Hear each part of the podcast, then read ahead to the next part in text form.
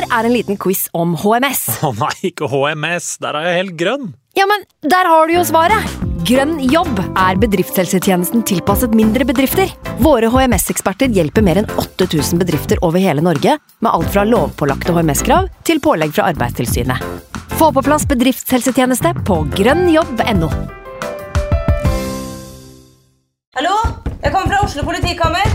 Ine Jansen er purk. Er du purk? The motherfucking bitch. Alt jeg vil, er å finne ut hva som skjedde med mannen min. Jon Carew. Er jeg sikta for noe? Iben Akeli. Det er du. Ole So, Lars Berrum og Big Daddy Karsten. Hvem sin side er du på, egentlig? Anette Hoff, Tone Danielsen, Kommer du fra Afrika? Jørnis Josef, Nesten. Kløfta. Trond Espen Seim, Det er synd å si det, men det var feil mann som døde. Purk. Premiere tirsdag på TV2 Play.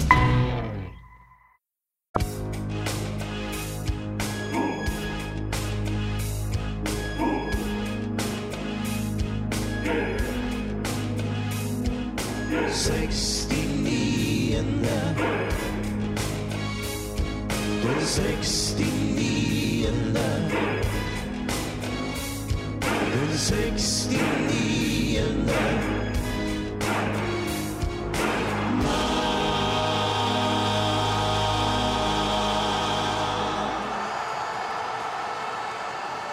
Tromsø ser konturene av en aldri så liten eventyrsesong. Alt fra marginer, defensiv trygghet og effektivitet har blitt brukt som et forsøk på å forklare denne sesongstarten. Men eh, lite tyder på at det bare var eh, flaks og et eh, blaff. Og etter tolv fulle serierunder så ligger guttene på andreplass, kun seks poeng bak og en kamp mindre spilt enn lillebror Bodø. Eventuelt storebror, alt ettersom hvem du spør. Det er vekst på supportersida, sportslig glade dager og en positiv kurve eh, over tid på veldig mange parametere. Eh, Så dette må vi i Den 69. mann se litt nærmere på. Så kjære lytter, velkommen til en Tromsø-spesial. Men eh, Jonas og Frank, velkommen til dere òg. Takk for det. Hva er det første som dukker opp i hodene deres når jeg sier Tromsø? Frank?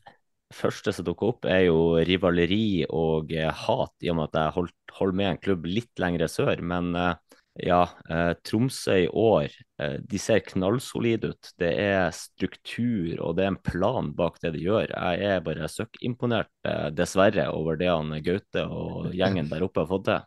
Mm. Du må ikke glemme at du er medlem av Forsa TIL, da, Frank. Du Jo, klarer ikke å si det riktig engang, Jonas. Forsa Tromsø.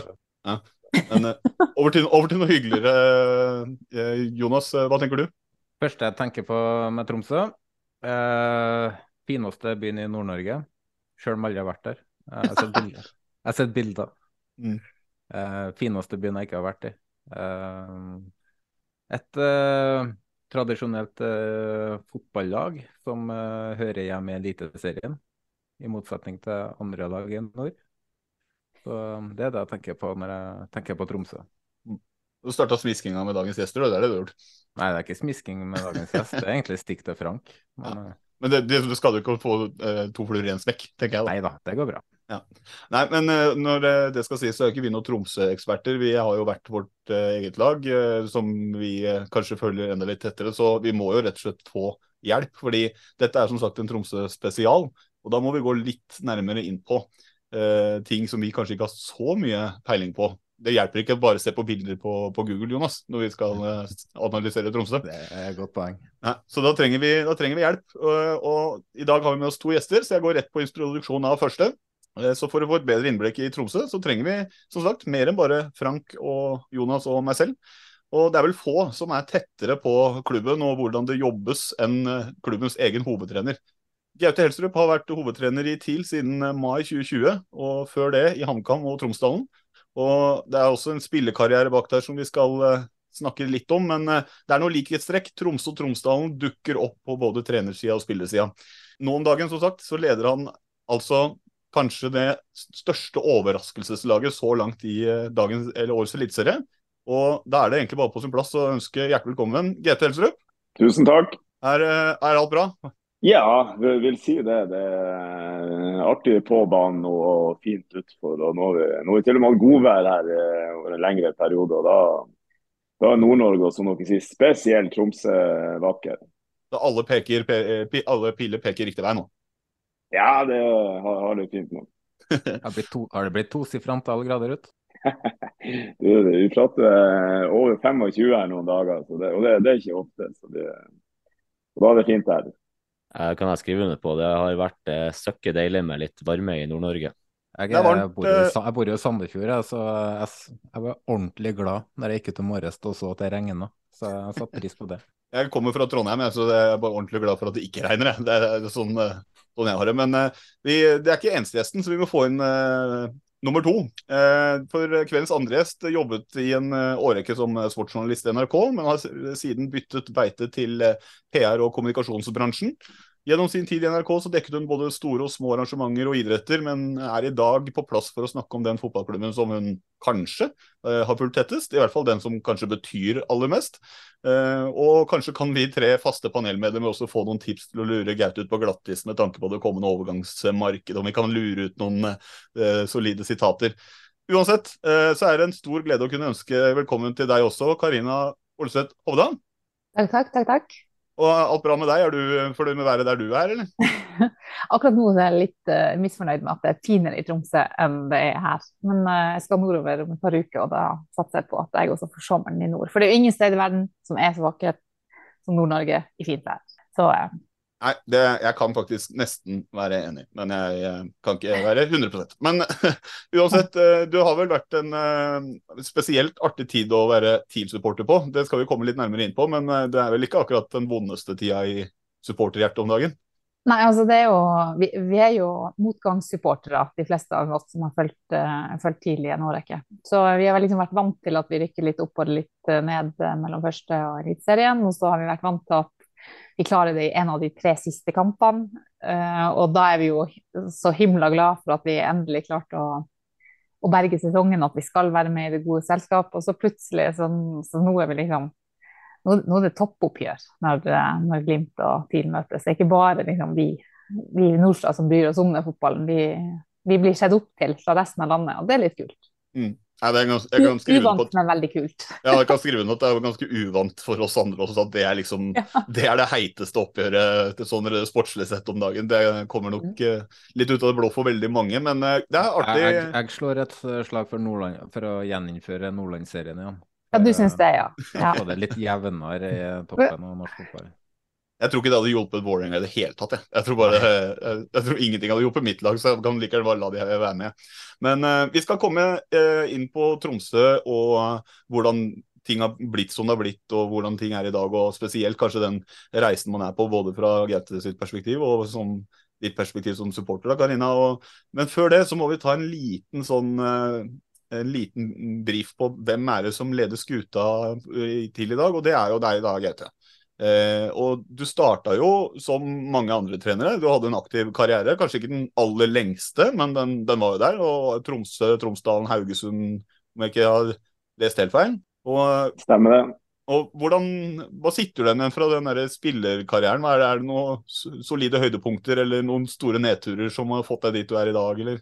Ja, det, det, det, det viktigste er jo at jeg hadde det utrolig gøy med fotballen. Eh, og, kanskje aller mest eh, barne- og ungdomsårene. Det, det er tid jeg har utrolig gode, gode minner fra. og det var det var fotball eh, lang. Eh, og så røkka også TIL opp i, i, i 86, eller røkka opp i 85, det første året oppe i 86. Eh, Da skulle vi konkurrere med, med, med søringene og hadde egentlig tro på at vi ble å røkke rett ned igjen. Eh, og det at vi, vi, så vi klarte å konkurrere og slå hvem det måtte være. Det, det, det ga mye inspirasjon til, til meg som, som, som, liten gutt. Og, og også cupfinalen det samme året ja, ga, ga, jo både glede, men òg og tro på at det, det, det, går an å bli, bli god her i nord. Eh, og, og, alle de, de, de årene i, i ungdomsfotball er nok som sagt de, de, årene jeg på ett vis husker aller sterkest. Uh, og Det føler jeg er en, en, en, viktig del av vi gjør. og jeg må si at jeg, er litt misunnelig på Bodø-Glimt, men jeg syns òg det, er utrolig artig at uh, de gjør det bra for nordnorsk fotball. Det, det, er artig at vi gjør det bra, og det, det håper vi jo er med på å inspirere unge gutter unge jenter til å spille fotball og være en del av fotballfamilien. Mm. Eh, etter det seniorfotball. Følte meg, meg, heldig der også. Fikk noen gode år i, i Tuil først. Eh, klubb som, som, som kjemper litt mot alle odds. Sterkt samhold, tydelig identitet.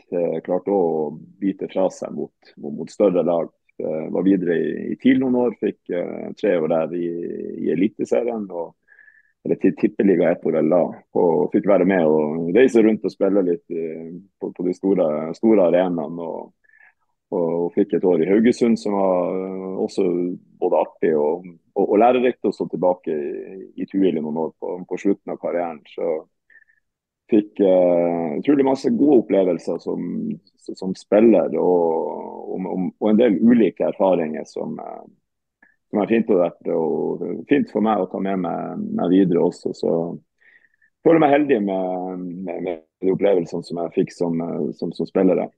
Mm. Men eh, du starta jo en trenerkarriere også i, eh, i Tuil. Eh, så hvis jeg ikke tok helt feil, som spillende assistenttrener på slutten av spillekarrieren, stemmer det? Ja, jeg tror, jeg tror vi aldri fant ut hva tittelen min var. Men, okay. men det, det treffer sånn høvelig bra. Jeg spilte fortsatt litt på slutten og var med i, i trenerteamet.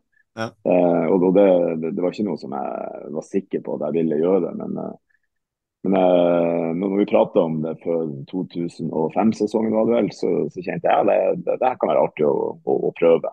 Eh, Hadde jeg ikke likt det, så hadde jeg nok slutta ganske fort med det. Men eh, ja, så, så, så det var det som jeg, jeg ville starte på. så jeg hadde jeg ikke noen sånn klare tanker om at, om at, jeg skulle bli trener. Men uh, jeg syntes det var spennende når, uh, når jeg ble enig med, med, med Truls Jensen i sin tid, som var, var hovedtrener i Tuelom, og, og prøvde å være med litt i teamet. Og, og også som, som spiller. Eh, så ga jeg meg vel som spiller etter det året. og var da spillerutvikler, jobba en del med, med, med Tuel 2 eh, Tromsdalen videregående skole, eh, fotballinja.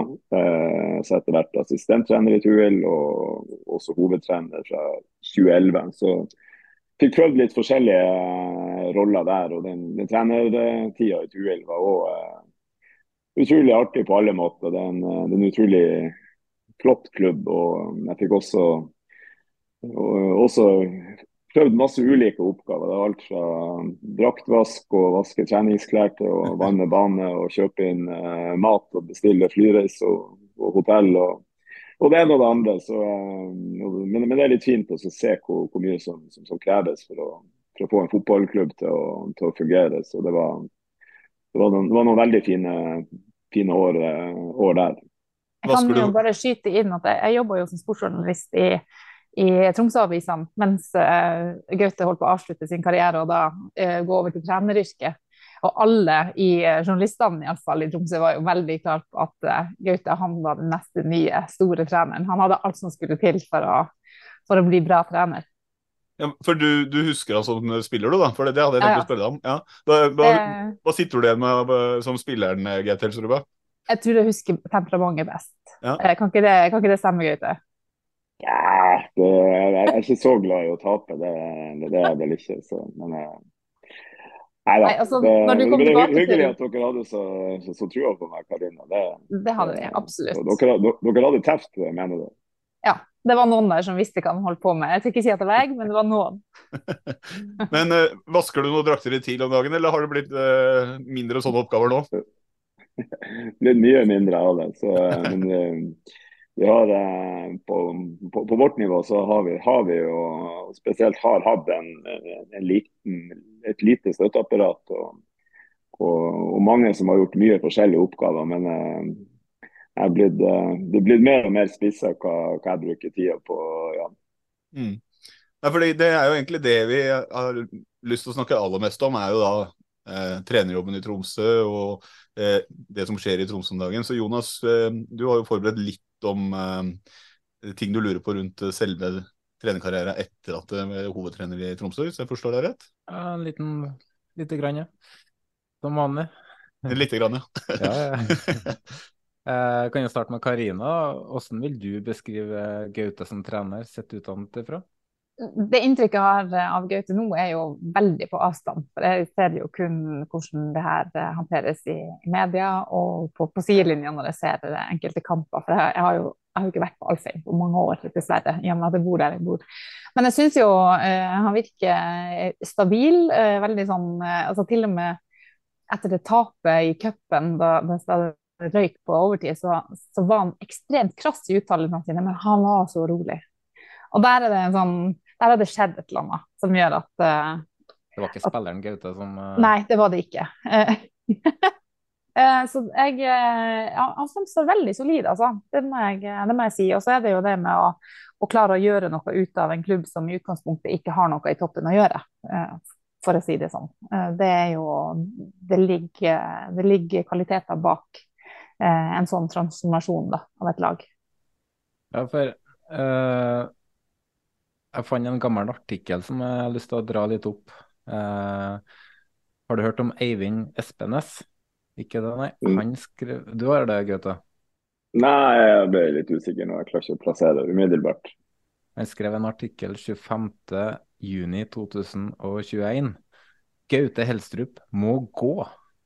Formsvikten kom tidligere enn vanlig i år. Tromsø ligger med brukket rygg, og det som leveres på banen er rett og slett elendige saker. Heldigvis har vi for en gangs skyld latt være å gi livstidskontrakt til treneren, slik at man faktisk har råd, hvis man synes at løsningen ligger i et trenerskifte. Det som synes, synes veldig interessant for meg, er det faktum at man sparker Simo Valakari og erstatter han med Gaute Helstrup, og likevel ser det ut som en spiller akkurat likedan. Det er samme formasjon, det er like lav innsats, det er like mange støttepasninger, det er like lite taklingsvilje og duellstyrke. Konklusjonen min er, at ansettelsen av Gaute Helsrup var helt feil. Man har erstattet en trener med en som akkurat er likedan som den forrige. Um, og så litt lenger ut av artikkelen som går tilbake til den forbaska 3-5-2-formasjonen. Men nå vet du hvem han er. ja, nei, jeg klarer ikke å plassere han, men men det er jo, det, det først og fremst er det jo helt uh, Det er jo herlig at det er engasjement, det er herlig at det er meninger. Uh, og så, uh, så, så, leser jeg ikke ganske langt ifra alt, må jeg innrømme. Jeg prøver å, å, holde meg unna en god del. og syns det er enda lettere å, å holde fokus på, på, på, det vi gjør da. men, men mening, engasjement og Hadde det ikke vært det, så hadde det vært farlig. Så jeg, jeg, jeg, liker det. det. det. er aldri kjempeartig å høre, høre, høre kritikk, men, men, men, jeg liker engasjementet og meningen. og Det, det er det mye av her eh, nordpå. Vi, vi kan trykke til litt med ord og uttrykk som er ganske, ganske mye tøffere enn det, det som kom der òg, da.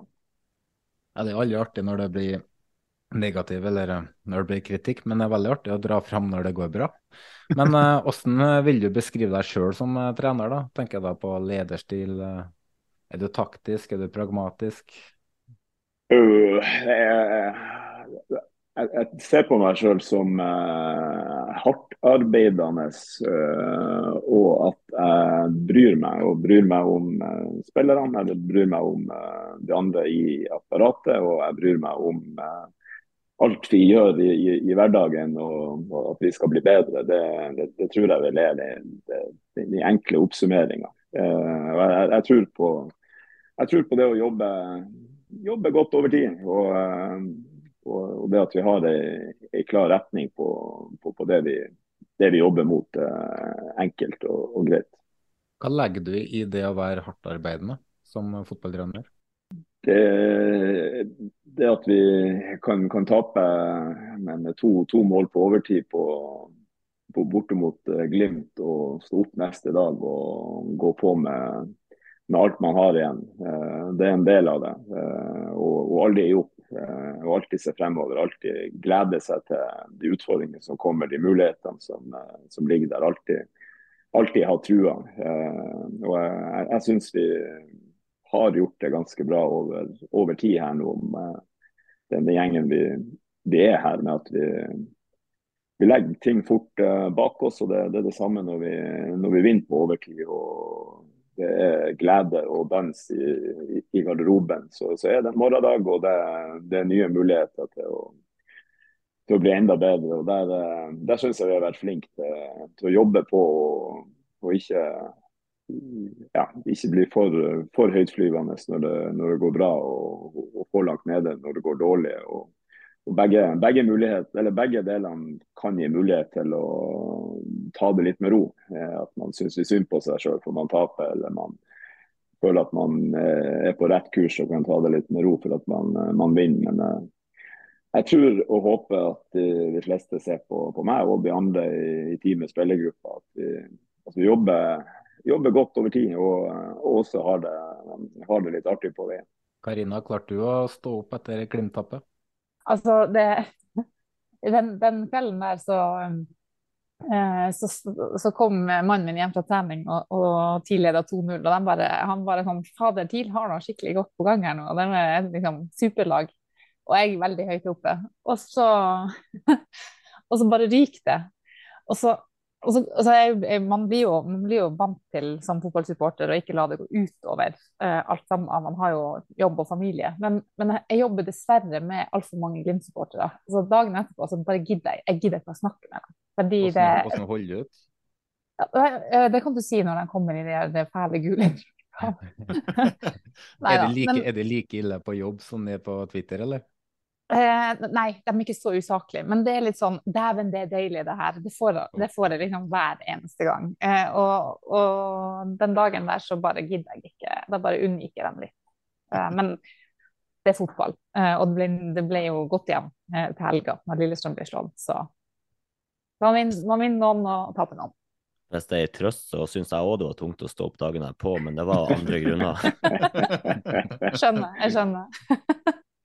Men uh, tilbake til deg, Gaute. Du har jo, som Snorre har vært inne på, vært trener i Tromsdalen og um, vært innom HamKam, og så nå i Tromsø. Uh, du har vært trener i noen år, og fotballen utvikler seg hele tida.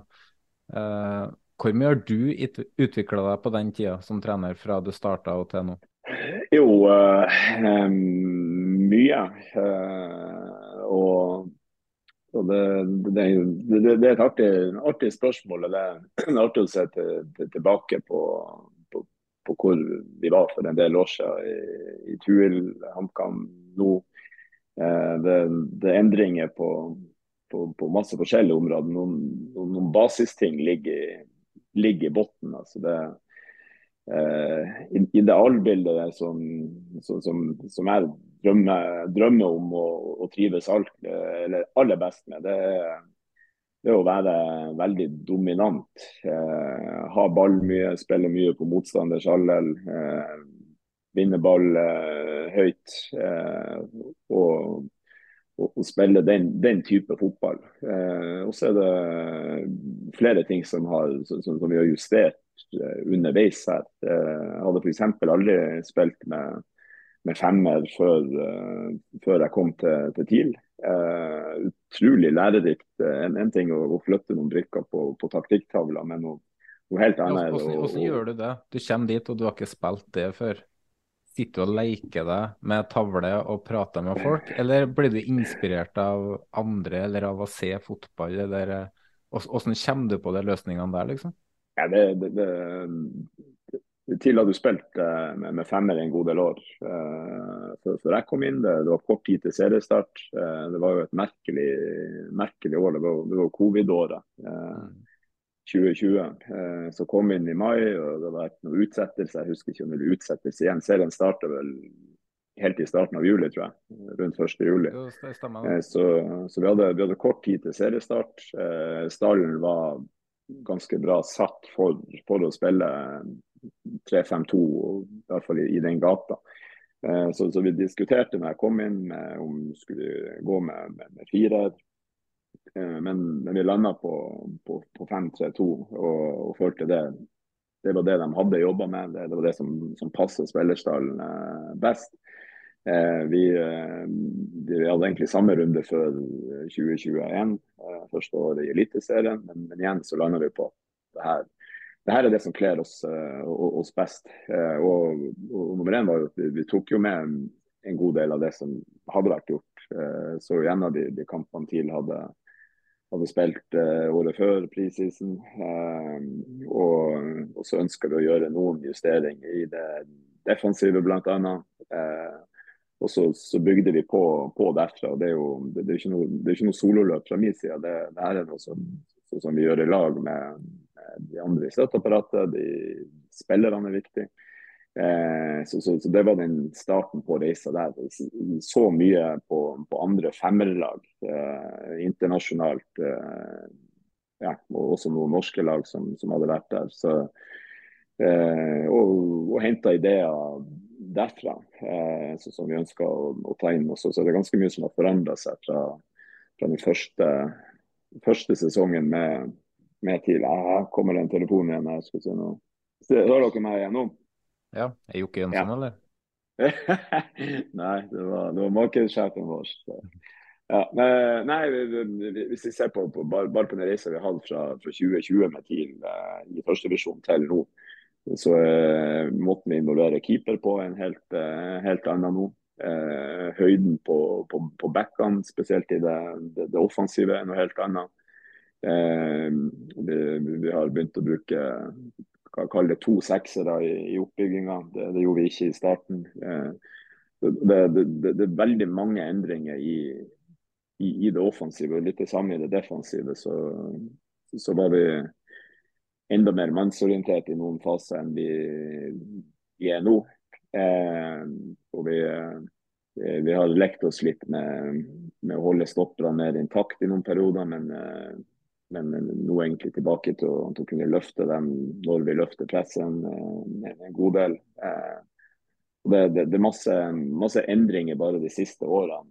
Eh, egentlig som, som, du spør over hvordan og igjen, Jeg, ser ikke på det som, som min utvikling, jeg ser det på som, som, som vår utvikling. Så vi, vi har, uh, har endra en god, god, del. Og så spilte vi uten spiss her nå fra serierunde tre spilte vel Michaelsson. Eh, så starta Mai Traore nå siste, men imellom der så spilte du med det man kan kalle en falsk nier i Vegard Helgen. Ja. Det har vi ikke gjort før, eh, men da måtte vi jo flytte litt på de, de andre. Eh, og, og denne delen syns jo er utrolig spennende. og det er jo det er jo lærerikt for meg. for det er også, som jeg sier, Bare, bare det med å, å forsvare oss med femmer med TIL. Jeg hadde aldri gjort det. Eh, og det å prøve det, og hva, hva får vi til, hva, hva må vi justere, det, det syns jeg er utrolig spennende. Så jeg er, ikke, jeg er definitivt ikke låst til noe formasjon eller at vi må gjøre det sånn og sånn. Men, eh, men jeg, har en, jeg, har en, grunntanke om å, å være modig og, og, og spille, spille, et spill hvor vi tør å spille på vår styrke. og og tenke, tenke utvikling på, på lag, på, på, på enkeltspillere. Det, det ligger der i, i, bunnen uansett. Eh, og så er det det vi opplever at det er, jo, det er ofte et annet lag som, som har noen ideer, og vi, vi, har egenskaper i vårt lag som vi må, vi må prøve å få ut styrkene så godt som mulig. Og vi må minimere de, de tingene som vi ikke er så gode på. Så, men uh, Utrolig artig reise bare, bare de årene i TIL. Og, og det var jo det samme med, med HamKam hver kun i, i 15 måneder. Men vi hadde jo en del ideer fra forandringer fra starten til slutten første året, og for så vidt inn i, i neste sesong òg, som, som, er litt i samme gata som vi prater om nå. I, i, i Tuil også så var det, det var veldig stor forskjell på, på det første laget da jeg var hovedtrener i 2011 og, og det, det, siste laget i 2018. Helt, helt annen type spillere. Og også noen, noen likheter som, som, som, gikk igjen. men det utrolig spennende uh, reise der. og Jeg ser fort for meg at, vi, at, det blir det samme fremover nå. med at vi, vi får noen nye typer som kommer opp, eh, som vi må, må, må dyrke god fotball til. og Det er sannsynligvis noen spillere som, som drar her etter hvert, som vi må, må erstatte. og da, da, da blir det det reisen fortsetter. Vi, vi er langt fra i, i, i, mål med en fasit på hvordan vi ønsker å spille. Jeg tipper vi, det kommer til å se litt annerledes ut utover eh, sensommeren og, og, høsten her. Og litt, litt, annerledes og forhåpentligvis eh, enda litt bedre. Men det, Du sier jo at du kommer til Tromsø. Eh, laget er satt i en femmer bak. Du har ikke spilt det, og så fortsetter dere der. Eh, og så har du som trener eh, tidligere jobba med andre formasjoner, litt annen måte å spille på. Eh, det høres ut som du er veldig fleksibel i forhold til det taktiske. da. Er det, Uh, og så har du, som du sier, vurdert, vurdert en firer uh, før 2021-sesongen. Um, er, er, det spillerne du har tilgjengelig som avgjør hvordan Tromsø skal spille? Det vil si at hvis dere gjør en del signeringer til neste sesong f.eks., kan det da være at man gjør endringer i det taktiske? Ja, det, det, det kan det. også. Og så har jeg som sagt noen, noen grunntanker med å, å, å, ønske å være offensiv, ønske å være, være modig. Eh, ønske å være et lag som, som tør, tør, å angripe, tør å, tør å presse, tør å, å, få ut godfotene til, til enkeltspillere. Og, og eh, så syns jeg òg det er viktig at, at man kommer inn og, og ta med seg det som, som, er der, og er klar over hva, hva kommer man inn i. og det det, det, går, eh, det går på formasjonen og, og, og, spillere, hva, hva de har gjort før man kommer inn. Men det går òg litt på kultur, tradisjoner. og, og vi, vi, har jo miksa, vil jeg si, våre ideer i, i trenerteamet, de, de spillerne som, som, er her nå, med, med litt av det, det, gamle TIL, om vi skal kalle det det. Vi, vi, vi ønsker å se på oss sjøl her nordpå, så når vi står der med med snøskavlen i handa og jobber mot vær og vind. og at Vi, vi, vi er noen tøffinger. Vi, vi, jobber hardt og vi, og hjelper naboen. Og, mm. og, En del av det ønsker vi å se i vår gutter når de slenger seg ned og blokkerer skudd og, å jobber knallhardt i, i, i, lag. Så er det en del av det som vi ser på som, som vår identitet gjennom mange titalls eh, år her, som, som, som vi har lyst til å å ta vare på. At vi, vi, vi hjelper kompisen. Vi, vi, står han av. Vi, jobber hardt. Eh, og så ønsker vi også å, å, å, legge til en del av de ideene vi har med, med, å være et lag som tør å spille ball og, og, og tør å og, bruke, bruke, de offensive ferdighetene på, på god måte òg. Så, så, jeg, syns man alltid skal, skal, skal, ta med seg hva, hva, hva man kommer til av tradisjon og, og historikk, og også hva som har vært der den, den siste tida før man kom inn. Og, og selvfølgelig da hvordan, hvordan, spillere jobber man med, og, og hvor vil man, vil man, fremover. Vi har fått inn et uh, lyttespørsmål fra idrettsklubben Start, som går litt på det her. For Han lurer på uh, hvordan klarer Tromsø å unngå å bli for dyp i presspillet, som mange andre lag blir i 3-5-2, der der lag ofte faller ned i 5-3-2? Ja, det, vi, vi, vi, føler vi får det til noen ganger. Så føler vi har enda mer å gå på det. Men, eh, men, men tar man sist kamp mot Lillestrøm, så, så mente vi det var viktig å ikke bli, bli for lav i lange perioder. Da syns vi Lillestrøm er, er, veldig veldig god når de får mye, mye spill rundt, rundt boksen vår. Eh, og da, da, da, da, jobber vi med det, det, vi kaller for løftepress. At vi skal, skal være aggressive på, å løfte presset på, på triggere, som f.eks. tversoverpasninger, negative pasninger. Eh, og, og, da er det jo det med å, å, gjøre det i lag, rett og slett. At løfte, da spilte vi også eh, 3-4-3 som, som, som grunn, grunnformasjon sist, eh, for å få enda en spiller oppe der som løfter på, på treeren til, til, Lillestrøm. og Da er det viktig at vi tør å løfte wingbacken bak. og Det er viktig at vi, vi tør å, å flytte forsvarsfemmeren eh, etter, sånn at det blir små rom å, å spille i. Og så, så, kan det være at vi er enda litt mer aggressive på å støte, sidestopperne spesielt. Eh, støte mye med dem. og det det kunne man Inter gjorde det mye i City Champions League-finalen. Mm. Det, det, er noen norske lag som, som velger å holde stopperne mer intakt. Og, og, og, nesten kun gå med, med wingbacker. Men de, de ønsker i hvert fall å være fleksible med å både kunne løfte wingback, men også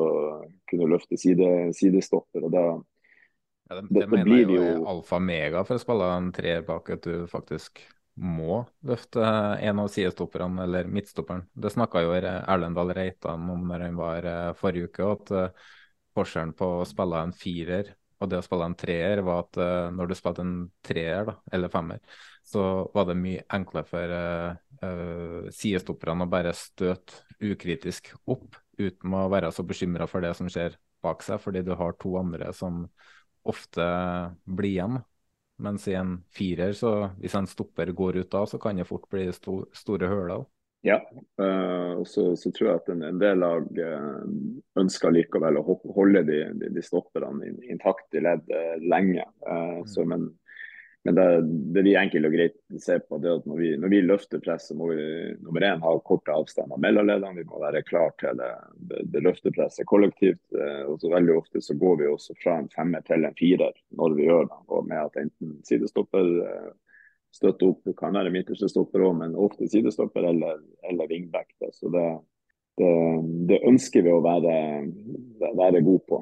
Så, så syns vi at vi, vi, er bedre til det nå enn vi var i i april i de, de første seriekampene. Så vi, vi, er på rett, rett vei der. og så, så, mener vi at vi kunne gjort det enda bedre. Det syns vi gjorde, gjorde, masse bra i den Glimt-kampen, eh, men, men, der òg ser vi at vi spesielt de siste 20 minuttene så, så tør vi ikke å, å løfte forsvarsfemmeren eh, nok. Og, og, da blir vi spilt eh, veldig lav over en lang periode. og det, det ender jo med med, med noen baklengsmål som vi, vi, ønsker å være fremoverretta i det, det, det, presset vårt. Det, det strekker oss mot. og så er det, er det fortsatt sånn at man må Det er forskjell på, på ønsketenkning og tegnebrettet og, og, og, det man, man, gjør i praksis. Så, så det, er ikke, det er ikke alt som er lett, men, men ja, vi, vi, ønsker et uh, veldig fremoverretta uttrykk i, i presspillet når vi kan det.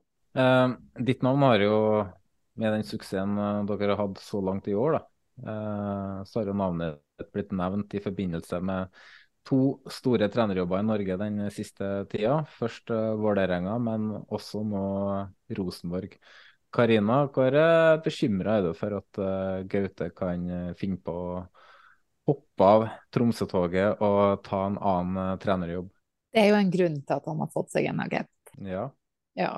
Og når man er god, så, så blir man jo henta. Eh, så det er jo liksom name of the game. Eh, så det er jo ikke noe rart. Men eh, jeg håper jo at Gaute ser lengre, lengre ut og høyere opp enn Rosenborg og Vålerenga. ikke sant? Får se, da. Ja. Gaute, hva har du Nå kommer jo de typiske kjedelige svarene fra dere som er medievant og medietrent. Men hvordan er det at når navnene blir, navnet ditt blir forbundet med ja, to store klubber som Vålerenga og Rosenborg? Jo, det, det, det, er jo hyggelig på ene sida at folk, folk, prater varmt om en. Eh, og så er det også det, det, er ikke, det, er ikke, drømmejobben min å, å sitte og svare på, på, på sånne spørsmål. Og det, det, er også en av grunnene til at jeg blir enig med samarbeid med, med, med agent og agentteam, det at, uh, at, jeg skal få holde på med, med mitt og med, med fotballen og, og, og, TIL. Og så kan heller andre prate med, det som kommer utenfra. Som, så uh, jeg syns, men, syns det, men du har jo det, er litt hyggelig. Ja, men, men jeg har uh, det, det strekker meg mot. og så er det sånn at eh, Jeg tror vi alle har, har et ego. Det, det, det har jeg òg. Men det, det, jeg jobber mot, er at jeg har ambisjoner på vegne av TIL. Jeg har ambisjoner på vegne av den klubben jeg er i. Eh, og setter det klart øverst på, på, på lista. Eh, så alt, alt, jeg gjør, og det, tror jeg oppriktig på at de rundt meg kjenner på at, at jeg gjør det, at TIL skal være best mulig både i morgen eh, til neste år og i, i 2030. Eh, så, så, jeg har veldig sterk tro på, på den måten å både lede på og, og, og jobbe på. Eh, og så, så, vet jo jeg også at på, på et eller annet tidspunkt så, så kommer ikke jeg til, til å være her. Enten så, så sparker de meg ut, ut døra, eller så, så, så, blir det enig om at jeg drar en annen plass. Men, men så lenge jeg er her, så, så, kommer jeg til å jobbe for at jeg fortalte i stad også, at nye, nye tiåringer skal drømme om å, å, bli så gode at de spiller på TIL. At vi kan bidra til, til de drømmene, bidra til de opplevelsene vi har med, med fullsatt stadion mot når vi slår Glimt i fjor. Og, og det, det, det, det, gjør jeg, Alt jeg gjør, er, er retta mot, uh, mot, det. og jeg, har, jeg tror jeg er ganske flink å, å, å leve i nuet. Og jeg har mange, mange utfordringer her i TIL. og Jeg ser, ser mye, mye, muligheter her. Så jeg gleder meg til, til, å våkne opp i solskinn her i Tromsø i morgen igjen. Men uh, la oss si at du hypotetisk sett da, skulle ha tatt over uh, Rosenborg nå. I og rundt Rosenborg så stilles det jo ganske høye krav til hvilken type fotball som skal spilles. Man skal jo ikke bare, man skal jo ikke bare spille i lengderetning, skåre mål, skape målsjanser og underhold, men man skal i tillegg dominere kamper og heise mot alle lag. Hadde du som trener mestra en slik utfordring, og, og hadde du stått for en fotball som står eh, til stil krav, til kravene fra trøndere? Jeg har ikke lyst til å svare på hypotetiske spørsmål om, om Rosenborg, men, uh, men jeg, jeg, kan si at uh, jeg syns at spørsmålet likevel er jo litt der vi prata i, i, i stad. Så jeg, jeg, tror veldig på at når man kommer inn i en ny klubb, så, så bør man sette seg inn i hva er tradisjonene her, hva, hva er historikken, hvor, hvor, er vi nå som, som, som klubb, eh, og, og, jobbe ut ifra det. og Eh, jeg har vært heldig og hatt mange årganger hvor vi har ja, vunnet, vunnet, den ligaen vi har vært med i, og, og hvor vi har skåret veldig mye mål og dominert mye kamper. og Det, det syns jeg er veldig artig. og Det, det er jo det vi strekker oss mot nå, at vi skal bli så gode i, i, i TIL her at vi dominerer alle kampene og, og skårer mye mer mål enn en motstanderen. Så det er jo drømmen og, og håpet her også. Og så og så tror jeg også at jeg, jeg hadde en fin reise med, med, med Tuil, med, med HamKam, som uh, var en helt uh, annerledes klubb og et, andre, andre, forventninger mer profesjonelt enn enn Tuil kom, kom, hit. Og, og, det å være i egen, egen hjemby, det, det, er en del trøkk som, som, fører med det, både på meg og, og, og familien. Så, så det, det, er et bra presstrykk her også så er, det, så er det klubber som har enda flere både tilskuere og følgere og, og større organisasjoner osv. Men eh, jeg tror iallfall jeg, jeg, får, jeg får god læring i, i mye av de, de, tingene her også. Og det er Summen av det som, som sagt er at jeg, i hvert fall, når jeg står opp om morgenen, så kjenner jeg på at jeg har eh, nok med utfordringer å, å ta tak i både på banen og også en del av det her som er som hører meg utfor banen med å være, være hovedtrener. og, og det, det, meste av det syns jeg er spennende og, og gøy.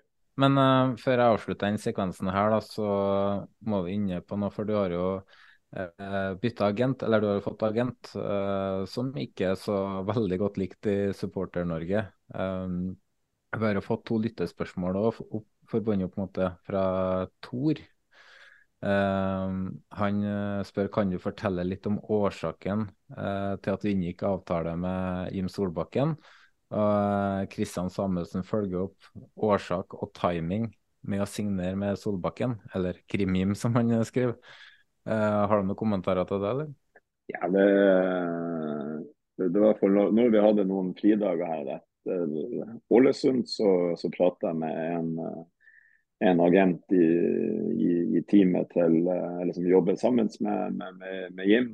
Eh, og Det var noen, noen hyggelige samtaler. og, og Da prater vi om eh, mulighetene eh, hvor, hvor, de ga uttrykk for at de hadde lyst til å, til å jobbe sammen med meg. Og eh, Så forhørte jeg meg litt rundt med, med andre trenerkollegaer som, eh, som jeg både stoler på og har gode samtaler med. og, og fikk anbefalt at det, det, er en del plusser med det, og spesielt når det blir litt mer interesse og oppmerksomhet som det har vært i det siste. Så, så, så timinga var de, de, tok initiativ til det, og jeg syns det var noen, noen, gode runder vi hadde. Og kjente på at det, det, det gjør det enda lettere for meg å, å, konsentrere meg om fotballen, i stedet for at jeg sjøl skal svare på, på, ting her og der hvis det, hvis det, er klubber som kommer på banen. Og, og som sagt, eh, de, det, ja, dem dem jeg prata med i, i det teamet, uh, teamet der, de, de syns òg at jeg er på en bra plass nå i,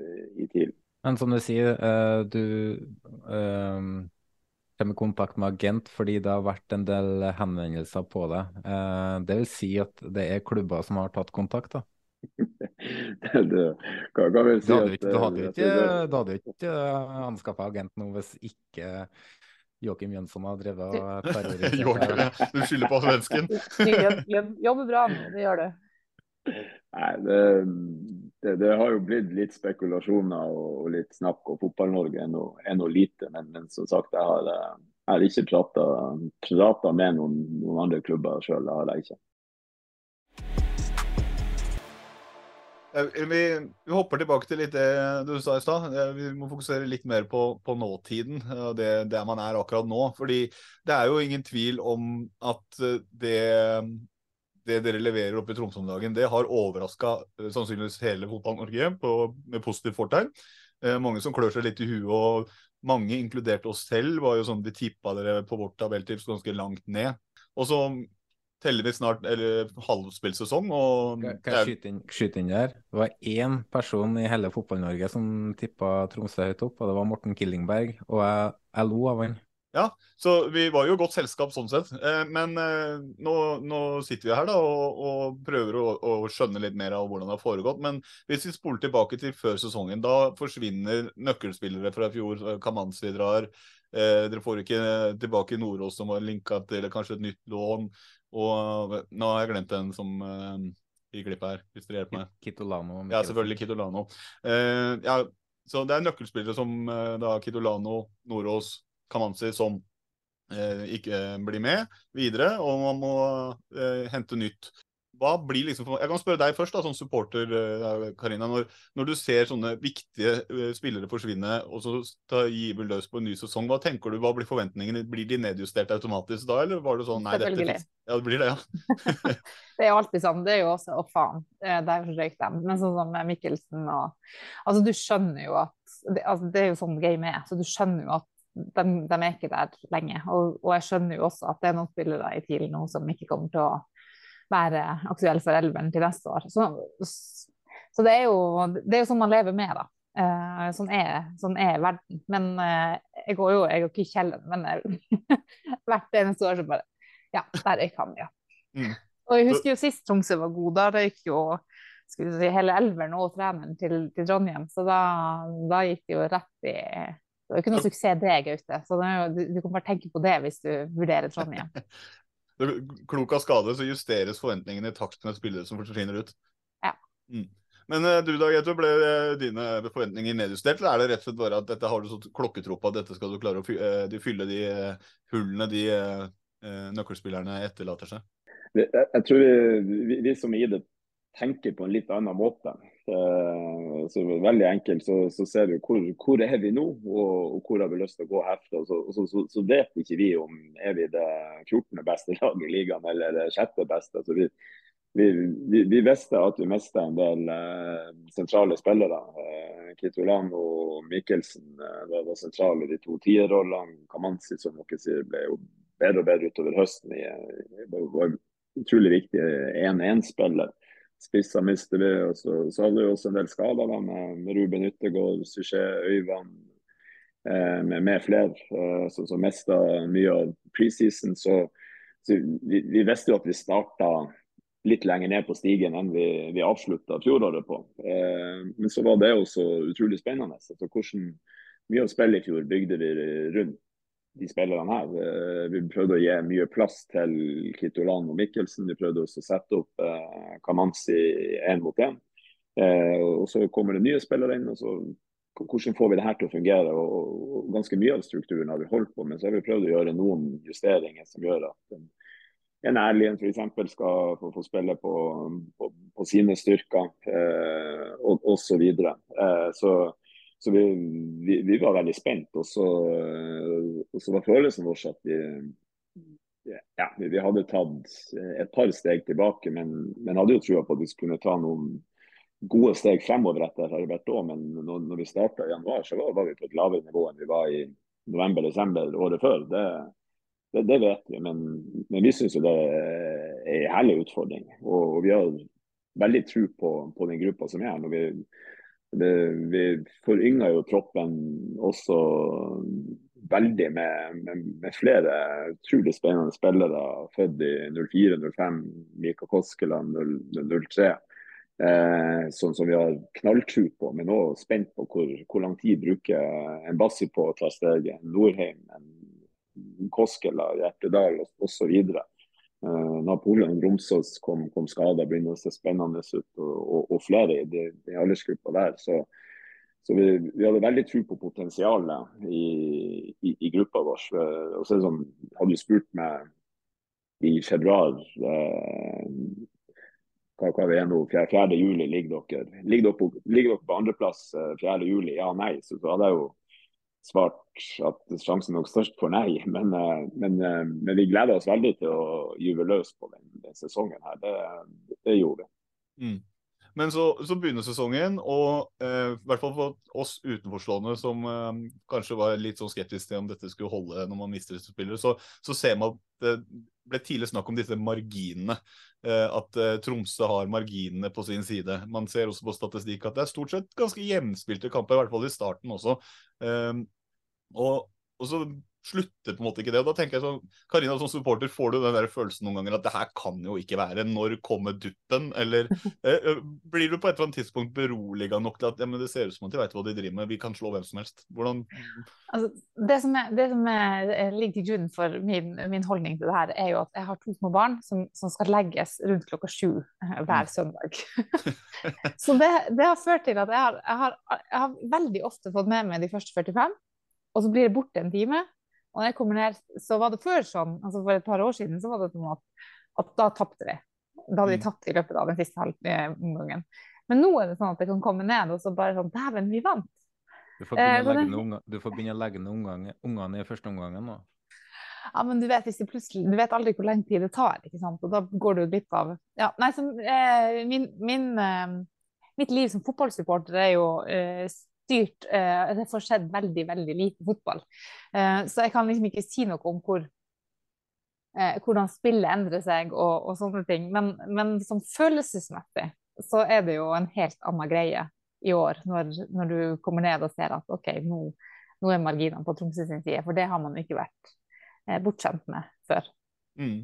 Og det er jo sånn, er man skikkelig god, så har man marginene oftere på sin side. Mm. Ja, det, det, er jo noe med det at marginene eh, tipper liksom din vei. Men hvis vi skal se litt på Jonas, du, du gravde litt opp noe statistikk som viser litt marginene her med eh, Altså, alle eliteseriekampene tidligere år har enten endt med ettmålseier, ettmålstap eller uavgjort. Altså, ikke, bare, du... ikke bare eliteseriekampene. Hvis du drar ja. med alle treningskampene og cupkampene, så er det kun to kamper. Jeg tror det er 25 kamper eller mer de har spilt. Kun to kamper har endt med mer mål. da. Uh, Gøteborg vant en treningskamp 2-0, og så vant uh, Tromsø 8-0 mot Hammerfest i cupen. That's it. Men er det ikke en greie med 1-0, Gaute?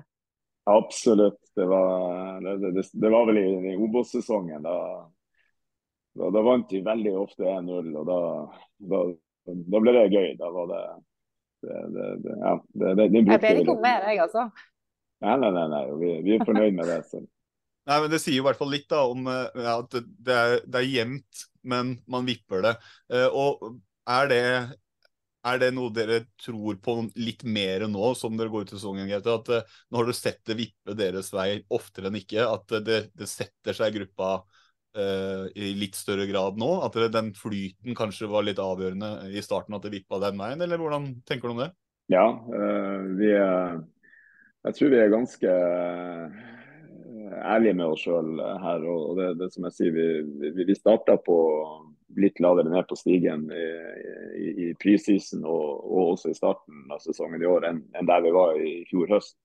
Så vi gå og sjekker fjorårssesongen òg, så hadde vi en veldig god andre halvdel. Eh, og ble jo bedre og bedre utover eh, sesongen, følte vi. Eh, og og så starta vi litt ned fra det.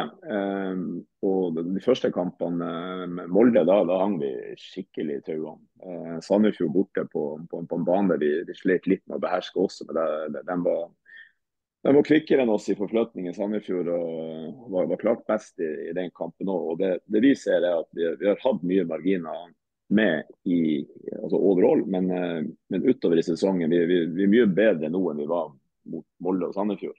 Man mm. ser det, De siste kampene så, så forflytter vi oss kjappere defensivt. Vi, vi kommer oftere inn i den, den flyten med ball. Vi, vi, ønsker også å få det kampbildet som, som, som, vi liker. Og så tror jeg, hvis jeg det jeg så sist, vi, vi er vel et av, vel, et av de lagene som har færrest avslutninger på mål imot. Eh, jeg kan ta litt på den statistikken, for jeg har fått med statistikken fra, fra runde til runde.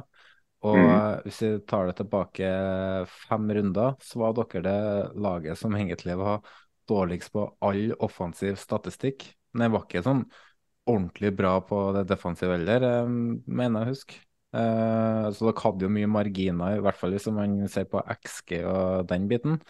Men det har jo, som du sier, det har jo løfta seg. Uh, det har jo blitt bedre de siste kampene. Så nå har dere begynt å klatre på statistikken nå. Så nå er dere det, tredje, det laget som er tredje dårligst ballbesittelse.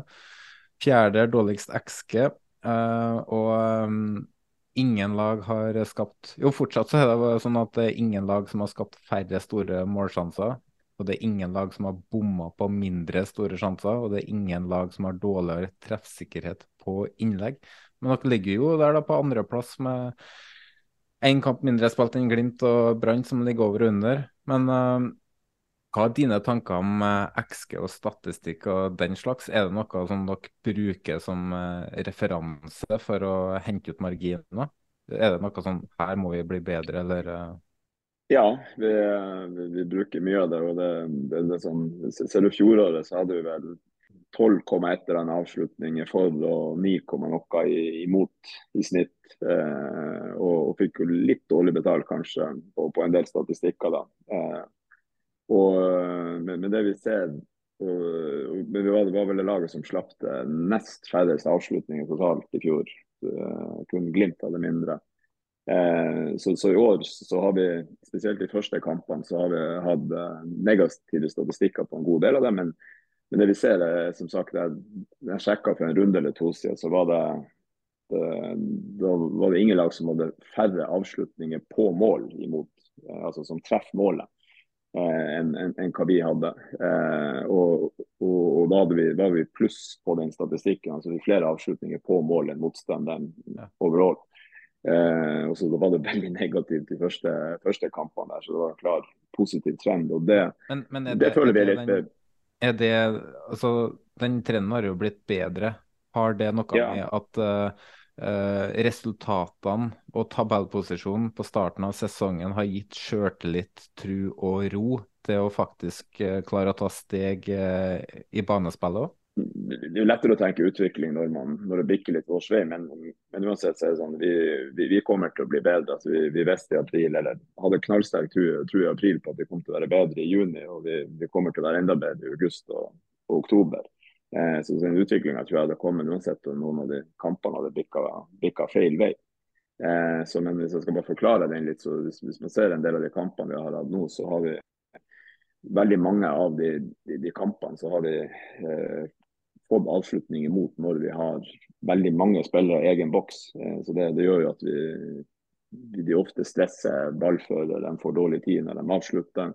Eh, de skyter i, i blokka vår, så det der er sånne ting som ikke vises på XK på, på de statistikkene her. Så er det hvor, hvor avslutter du fra? Det, det sier ikke noe om det er syv forsvarsspillere mellom ball og, og mål, eller om det er null. Eh, og Motsatt vei så har vi fått kampbilder hvor vi ofte angriper få mot få og, og kommer til sannsynligvis større sjanse enn det XG-en viser. da, så var det litt motsatt i fjor. Da følte vi at vi ofte vi fikk veldig få avslutninger mot oss i fjor, men da følte vi at vi ofte var, var få mot få i egen boks når de kom. Og at det gjorde at litt for mye av det gikk i mål. Eh, og motsatt så, så, kom vi til en god del mer avslutninger enn motstanderen i fjor, men, men, da kom vi ikke til like kvalitativt eh, store sjanser. Så så vi, vi, vet godt hvordan en XG-en f.eks. Uh, funker. og Vi føler den på et vis nesten løy, litt positivt for oss både i fjor og i forfjor. Mens, mens i år så ser vi at vi, det, det, ja, det, har ikke vært så lett å komme til, til gode avslutningsmuligheter mot oss. Men, men som sagt også, det, vi, vi, vi føler absolutt sjøl at vi, vi, har hatt eh, marginer med i, i, flere av de kampene vi vi har, vi har spilt i år. og og så, så har det også vært Flere av dem har vært veldig sånn fase eh, Det har vært faser i kampene. Det har vært faser hvor det har vært bra eller ganske bra, men så har det, i, mange kamper så er det noen faser hvor vi har blitt skikkelig trykt og ikke, ikke klart å komme oss helt ut eller hengt i, i, i tauene. og Der også bl.a. keeper Jakob Hauger hatt noen, noen kamper har, har vært, vært, gode i. Men, men, som sagt, vi har ikke, vi har ikke sluppet til mye avslutninger på mål i, i år. For det har vært eh, vanskelig for laget å, å, komme til det aller største. og så, og så er det, det, det, er en klar positiv trend på, på, veldig mye av det her, som du sier, de, de, de siste, siste, kampene. Også. men vi, vi, bruker en del av de, de tallene. Det har vi gjort eh, alle, alle de her årene. Eh, og, så, prøver vi å OK, hvorfor er det sånn, hvorfor er det sånn? Og, og, og se hva, hva, hva, vi vil, vil legge trykk på. Men vi, eh, vi, vi, er i hvert fall sterke i trua på at den, den, trenden vi har sett i de siste kampene nå, eh, er noe vi skal klare å, å forbedre enda mer. Men du, du, nevner jo Jakob Haugård her, og er jo keepertrener og har et litt ekstra øye til keepere. Har eh, norsk fotball noen gang sett en uh, keeper i Eliteserien som er bedre med ball i beina enn det han er? Han er i hvert fall utrolig viktig for oss i, i, i den fasen. Uh, og jeg syns han har tatt gode steg der. Uh, han har, uh, har utvikla seg sammen med laget siden, siden han kom, syns vi. Det, vi er blitt flinkere til å, til å både spille mot press og finne, finne den, frie spilleren. Og, og, til å lokke på press og, og kunne få fordel av å og spille, spille, lenger. og Han har jo enorm rekkevidde på, på, på, det tilslaget sitt. og Han har veldig god oversikt over hvor, hvor har vi overtall, hvor har vi kvalitativ fordel. og, og, en veldig ro og tro på det han gjør. og, og Der òg føles det som vi, desto mer og mer vi har trent og spilt, så desto tryggere blir vi på det. og Så var det òg veldig gøy å se Sermon Thomas i, i de kampene som, som, han har fått stått uh, nå. Uh, jeg har vel uh, forstått seks, seks serie- og cupkamper, om ikke syv. Uh, så, og, og, det har også fungert veldig bra. Så, så vi har et, uh, et godt, godt keeperteam. Vi skal snart bevege oss videre til litt sånn Twitter-spørsmål og sånn, men vi var litt inne på det. Du, jo, du fikk deg agent fordi det ble, har blitt litt ekstra henvendelse på deg. Men nå går vi også inn i en tid hvor klubbene pleier å og bytte litt spillere, om vi kan si det på den måten. Eh, et overgangsvindu.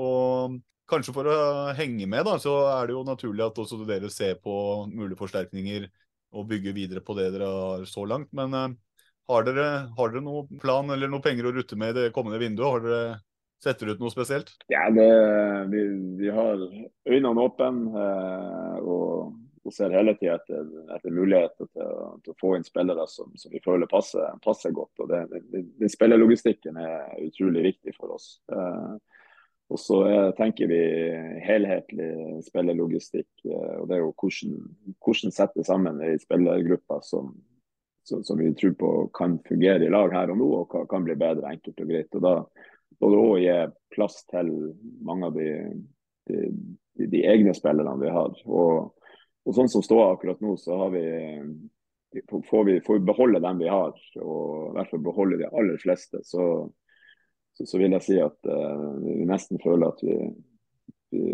ja, at vi, får noen gode signeringer med bare det. Nå er vi, flere som har vært, vært ute med skader, uh, som er på tur tilbake. Uh, vi har spillere som er klar progresjon fremover. så, så får, får vi beholde det de spillene vi har, i hvert fall de aller meste. Så, så det er den viktigste overgangen på, på en måte for oss. Da, da kommer vi til å bli bedre. Eh, det, det, det, det, vet vi. Og så, kan det være at det forsvinner noen ut hvor, hvor, vi føler at vi må ha noe inn også. Men, eh, men akkurat nå så ser ikke, vi ser ikke det store behovet. vi skal treffe utrolig godt for å få, få en spiller som går, går, går rett inn og, og, og forsterker oss nå. Det, det, er ikke lett. Vi har vi har gode spillere på alle posisjonene og, og, spillere som, som, vi tror blir enda bedre på, på, høsten, som sagt. Så Beholder vi alle i vinduet her og får folk tilbake fra, fra skade og i form, så, så er det, da er det en fornøyd trener. Ja. Men hvis du da, Karina, kunne lekt litt sportsdirektør, hva vil du se inn i det overgangsvinduet her? Hva, hva, hva blir de viktigste signeringene, tenker du? Det er som, som Gaute sier, å beholde dem, eh, de unge som er der. Og så lurer jeg veldig på om det finnes, finnes det flere Bassier i, i Ingrids avdeling som, som, plutselig kommer og, og, er med i i elveren. Det er jo det jeg er mest spent på. fordi det, det å hente etablerte spillere i, i Eliteserien er jo vanskelig i, i Tromsø. Og så liker jeg bedre at han kommer fra Yngres enn at enn man går til utlandet og henter dem. Mm. Det er jo to, er to uh, spillere fra Tromsø som uh, har, eller er, i utlandet nå. Du har Isak Hansen Aarøen i uh, Manchester United. 18 år fra Tromsø. Og så har man Brian Fiabema som er ute av kontrakt nå. Spesielt Fiabema, er det en er, Har dere noen tanker der, eller har dere prata med han?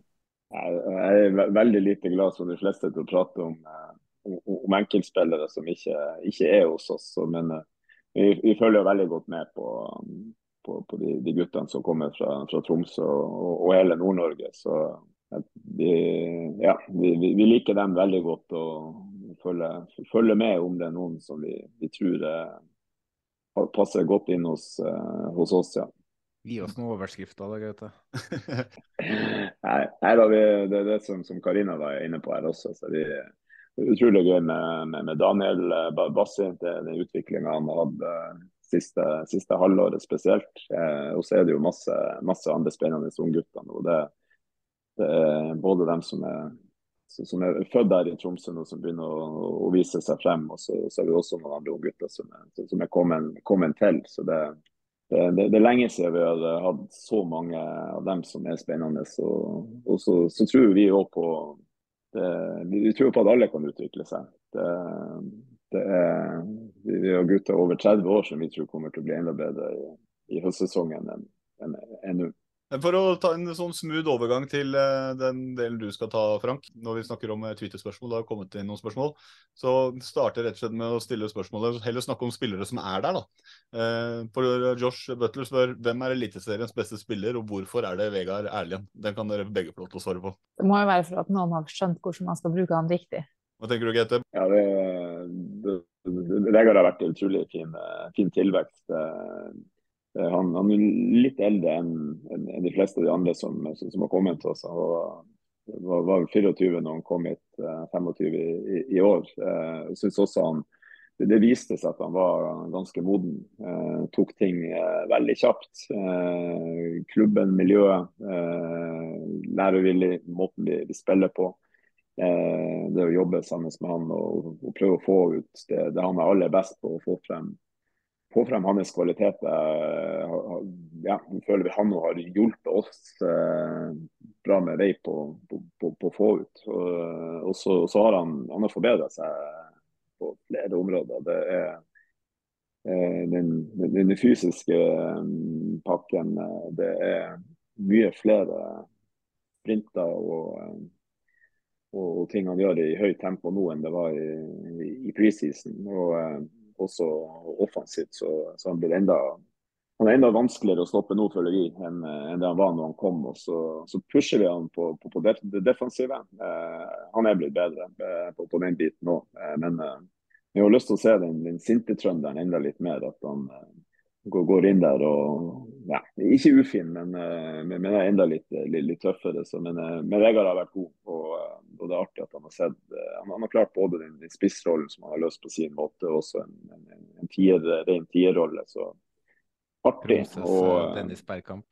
Ja, han er, han er fin. Han er, han er utrolig, utrolig, god fra 30-35 meter og, og inn. Det, der, der, trives han nok eh, aller best. Men ikke overraskende etterlyser du litt mer temperament, kanskje?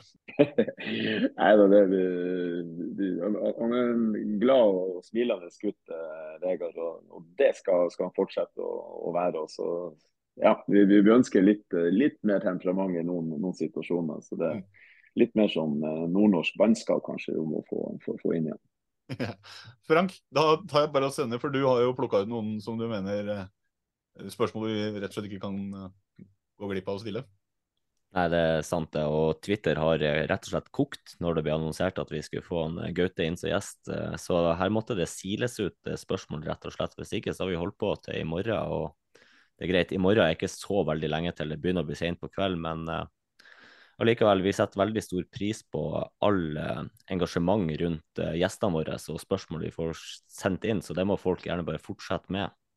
Uh, første spørsmål her er Jeg skulle nesten tro han var Glimt-supporter, men jeg tror faktisk han heier på Haugesund. Han spør TIL er provoserende gode på å dra ned tempo i kamper og drøye tid når de leder. Er dette bevisst? Nei, jeg, jeg syns ikke vi, vi er så, så, så, gode på det. Uh, det. det. andre laget jeg ville ha, ha, trukket frem, uh, frem der. Så vi, vi, ønsker først og fremst å, å bare spille, spille, ut kampene på, på, på vår, vår måte. Så og så er det, det er noen av de, de, oppgjørene hvor vi har blitt litt, litt vel baktunge når, når, vi har ledet på, på, på slutten. Men, eh, men drømmescenarioet er at, eh, at, vi tar tak i ball og, og lar motstanderne eh, springe etter på slutten. Og, og være gode nok til dem. Eh, Tilki Taka spør er det noen på TIL som hadde styrka det norske landslaget? Ja, vi, Vi har noen på har og har hatt noen på, på aldersbestemte landslag. Eh, så hadde den, Ruben har jo en del eh, A-landslagskamper. Så, så det jeg har i hvert fall tro på at noen av dem som er i dagens tilstand, eh, eller flere enn Ruben, da, vil få A-landskamper etter hvert. Det, det, tror jeg. Så, så skal Ståle, Ståle få lov å, å, gjøre sin jobb og, og ta ut laget, laget nå. Hvis han Strandberg kan spille på landslaget, så kan vel han Jostein Gundersen gjøre det? Ja, det, ja, det, er gode, gode spillere, det. det og, og, som sagt, jeg, jeg, jeg, tror det er stor sjanse for at uh, noen av dem som, som springer rundt her, her oppe nå, uh, får, får, på seg A-landslagsdrakt nå etter hvert. Han uh, spør også videre er Haugård Eliteseriens beste keeper? Ja, det, nå har ikke jeg sett, studert alle keeperne. og det er, ikke, det er ikke mitt største, beste fagfelt. Men, men Jakob eh, må være der oppe med, med, det han har gjort hittil. Jeg synes han har, han har vært matchavgjørende og også utrolig viktig for oss i, i flere faser av spillet. Så eh, sterk høstsesong i fjor og fortsatt veldig godt i, i årets sesong. Jonas, du lagde jo en liste over keeperne nå ganske nylig, du som er keepertrener. Kan ikke mm. du bare ta topp tre av lista di? Ja, hadde eh, altså det, det, er to stykker som har skilt seg mer ut enn alle andre, og det er jo Valstedt og, og Haugård. Så jeg hadde Valstedt på første, for han har vært enda mer avgjørende for Odd enn det Haugård har vært for Tromsø. Så Haugård på andre, og så hadde jeg Myra tror jeg på tredje. Til nå i år, altså. Gode skussmål, i hvert fall når det kommer fra Jonas, som eh, er keepernerd. Uh, Jan Godfrey, her er en uh, Viking-supporter han spør hvordan er det å ha en gledesspreder som Mai Traoré på laget, og går det mot at dere blir å kjøpe han, eller får han se han tilbake i Stavanger igjen? Ja, det, men Mai har vært uh, utrolig, utrolig fin siden han kom. Han, han kom jo skada, uh, men fra dag én så så har han hele tida prata og, og, og, vist i praksis at han, han er en skikkelig lagspiller. Eh, og han har uh, humør. Han, han har òg vært gjennom tøffe perioder, med, spesielt med, med, at mora gikk bort. Eh, og, og vært, vært, hjemme en, en, tur. Han har hatt de, de, de skadene sine også som en uh, masse følelser igjen og, og mye, mye positivt. og han, han fikk seg en eh, Han gikk av nå sist kamp eh, med, med, en skade, trodde, trodde, både vi og alle andre. Men da var han bare lei seg for at han ikke fikk eh, hjelpe laget resten av, av kampen. Så eh, jeg fikk med meg etter den Sarpsborg-kampen han kom inn og hadde et uh, utrolig bra innhopp som ble avgjørende. At, at flere av lagkameratene uh, løfta opp uh, lagspilleren og, og og, og, typen han er. Så, så, det var gøy å se. og Det, det er vel fortjent. og det, det, Jeg tror det er undervurdert å ha, å ha gode typer i, i laget med både, både, litt smil og, og, og godt humør og, litt andre ting òg. Men vi, vi, vi, trenger, vi, trenger, gutter som, som gjør, det, gjør, det, artig og, gøy å være i garderoben. Det er ikke noe tvil om at han virker som en kar som blir godt likt uansett hvor han er. Uh, Kenneth Sunde spør stemmer det at han henta inspirasjon fra Italias landslag når, han, eh, når det kommer til forsvarsspill? Vi prata om det i fjor, må det være da. Uh, nå går litt, litt i surr for meg, var det fjor, fjor eller forfjor. Uh, så så, så feira, de blokkeringer og var utrolig gode i den i fasen, spesielt rundt, rundt egen boks. og det det, det løfta vi også opp og, og begynte å jobbe, aktivt med, med det. Eh, så eh, vi, vi, liker den biten eh, av fotball nå, ja. Andreas Seipojärvi spør har du Norges beste midtbaneduo i Zakarias Oppsal og Yttergård Jensen?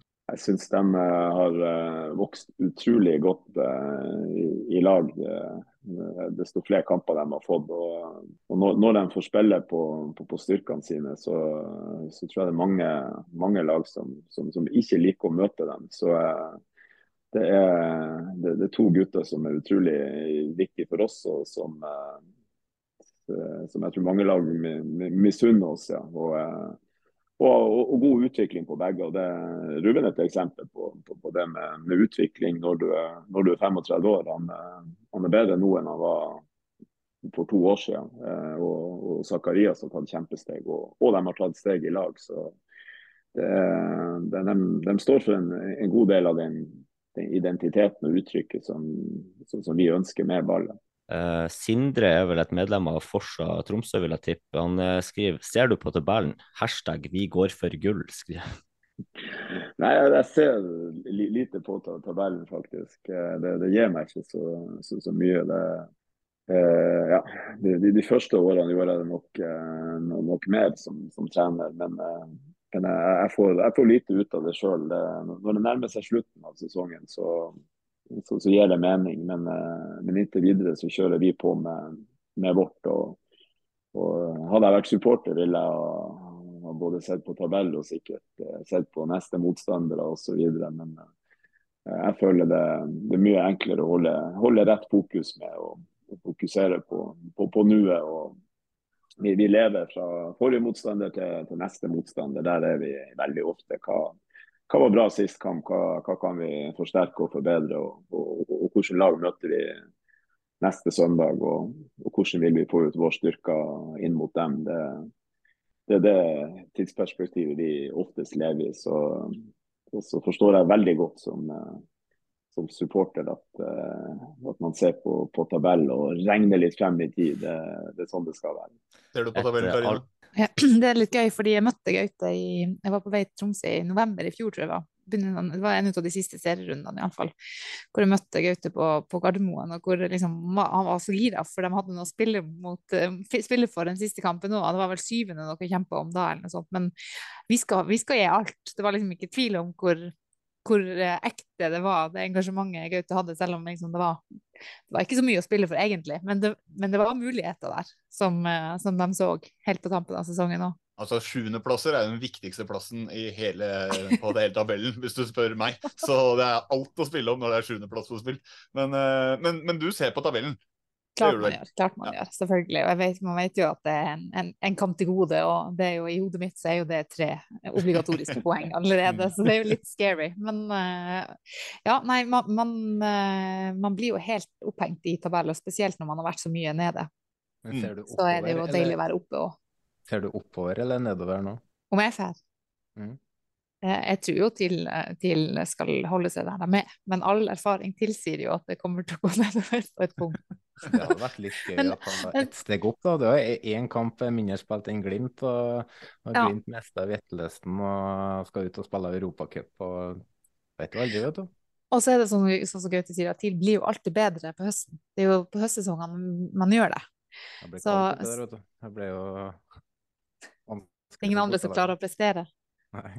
Yes, Vi har ett siste spørsmål, og det er fra Emil Almås. Jeg tror kanskje han spør på vegne av Karina også. Oh. Gaute, ser du på hurtigløp på skøyter? Nei, eh, ikke mye. Men eh, det har faktisk vært eh, Jeg vet kanskje Karina, men det har vært eh, VM eh, i Tromsdal. Sprint-VM vi kunsten. Stemmer det. Eh, var det det, det, 80-tallet iallfall.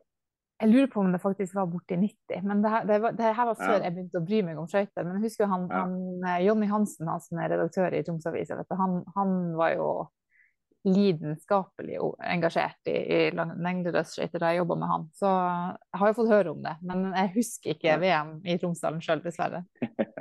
Nei, nei, det var uh, det, det, slutten av 80, eller kanskje akkurat da det bikka 90-tallet. Da, da, var jeg på plass. Da, da var jeg så, så live. Tenk at du har opplevd den Jensen i, i Tromsdalen. ja, det, nei da, men det, det Faderen, faderen, følger med en god del, så mine, mine yngre dager så, så, gikk det på, på, på TV-skjermen også. Men det er, ikke, det, det er, ikke, den idretten jeg følger mest nå, nei. Nei, det er jo ikke, det er, ikke, det er stort sett bare jeg. ja, da tror jeg, Frank, du var ferdig med lista di? Ja da, det, vi har kommet igjen av alt. Ja, Nydelig. Og så sier vi tusen hjertelig takk for at du tok deg tid eh, for å komme og prate om både deg selv og Tromsø og jobben rundt og alt som skjer der, Grete. Så du tror du sto pris på det. Takk for praten. Og så hopper vi videre, så får du ha en riktig god kveld eh, videre, du. Og lykke til videre resten av sesongen og neste kamp eh, ikke så mye.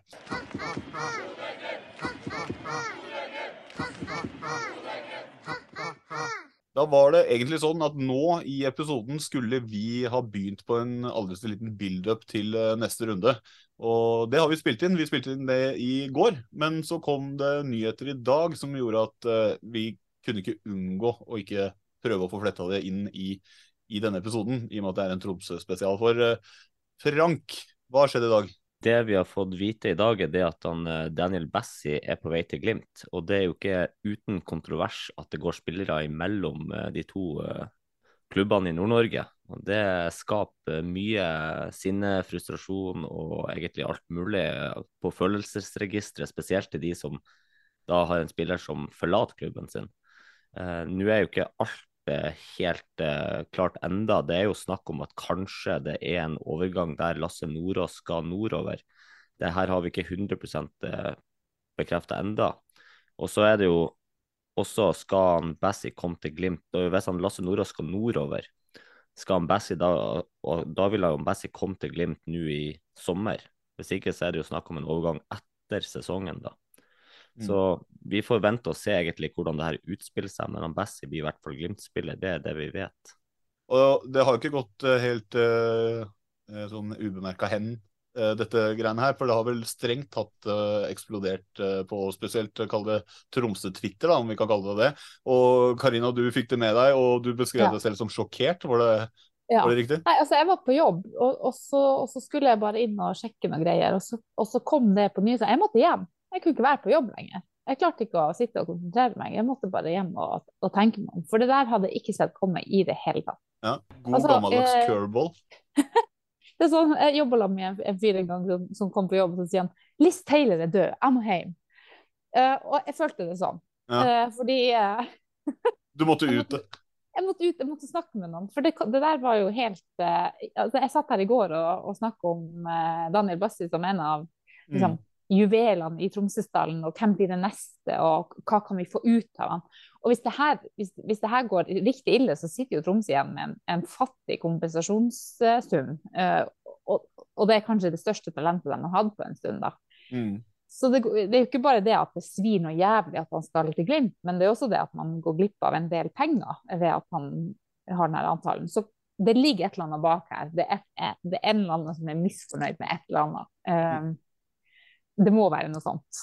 Ja, eh, fordi det er det som gjør denne overgangen til litt ekstra spesiell. Det er ikke altfor mange av disse. Det er hvor en spiller som er egenprodusert gjennom akademiet til uh, Tromsø, og mm. fostra opp der og gått gradene, fått tillit på A-laget, blitt en viktig bidragsyter i et godt Tromsø-lag i år. Og eh, har egentlig hele fremtida foran seg. Man ser for seg disse store summene kontraktsforlengelse. Og Eh, en ting er å gå til en eh, konkurrerende klubb, men så krydrer du dette med å rett og slett gå til den ene klubben som, eh, ja, som snur alt opp ned i tillegg. Da. At det bare setter ekstra fyr i teltet, nemlig Bodø-Glimt. Ja, eh, ja det, det, vi måtte jo snakke om det. Men hva, hva, hva, tenker du nå som du har fått summa deg litt? Det jeg klarer ikke å forstå det valget. Eh, det, det, gjør jeg ikke. Fordi hvis han ikke trives i TIL, hvis han ikke vil være i TIL, eh, så, så, er det andre klubber han kunne ha gått til. Eh, og det kunne, det, altså, Man kunne, kunne ha jobba for å få en overgang til en annen klubb hvor det kunne ha vært eh, hvor man kunne fått noe igjen for han til TIL. At han liksom gir tilbake til den klubben som han, har gått gradene i hele veien. Eh, så et, det, er, det, er, et eller annet der som det er noe sterk misnøye. Eh, det må det være. Og så at Gaute satt der i går og eh, han snakka varmt om han. Og var, altså det er jo Mm. det er jo fotballens natur, det er det jo, men det svir jo noe, noe Det svir noe. Det, liksom, Runar Espejord var jo ond. Eh, Det var vondt. Men det her er enda mer vondt. Er, eh, jeg, jeg ser den. Jeg, vi har snakka litt om det, vi har diskutert det i dag også. Jeg klarer veldig enkelt å sette meg inn i at jeg hadde reagert på sannsynligvis akkurat samme måte hvis typ, sånn Sidiata hadde gjort akkurat det samme med å dra til Lillestrøm. Eh, det, det, Ny- er utenkelig. Sverre. Sverre Nypan til Molde. Ja. Altså, det hadde jo Det hadde svartna totalt for meg. Mm. Så, ja. Det er Altså, bare Frank som ikke klarer å sånn- visualisere det. Frank, Frank, altså- Frank, Frank har ikke noe eksempel, for det er ikke noen unge lokale talenter i Glimt, så han skjønner ikke hva vi snakker om. De har ingen, de har ingen der. Det som er smart, er det at dere nevner akkurat de der casene der, da. Fordi at det vil i hvert fall få lytterne våre til å faktisk forstå hva oppgjøret Glimt-Tromsø faktisk betyr, da. Mm. For oss her i nord så er det her det verste som kan skje. Altså, jeg hata at han Tom Høgle gikk til Tromsø. Jeg hata det. Og jeg skjønner jo utmerket godt det utbruddet som mange har hatt på Twitter i dag, og så må vi samtidig huske at det er en ung mann bak der, så jeg håper ikke at det sendes noe år. Jeg håper ikke det sendes noen private meldinger av den slags, da, men at det blir litt på Twitter. Sånn blir det. Han skal da i hvert Og fall høre det her. Det er jo for sent. Vi skal, ha en, vi skal ha i bakhodet også at Daniel har en far som er meget eh, rutinert mediemann. Kan jeg få og det- ta fram faren hans eh, før du fortsetter på den? Ja.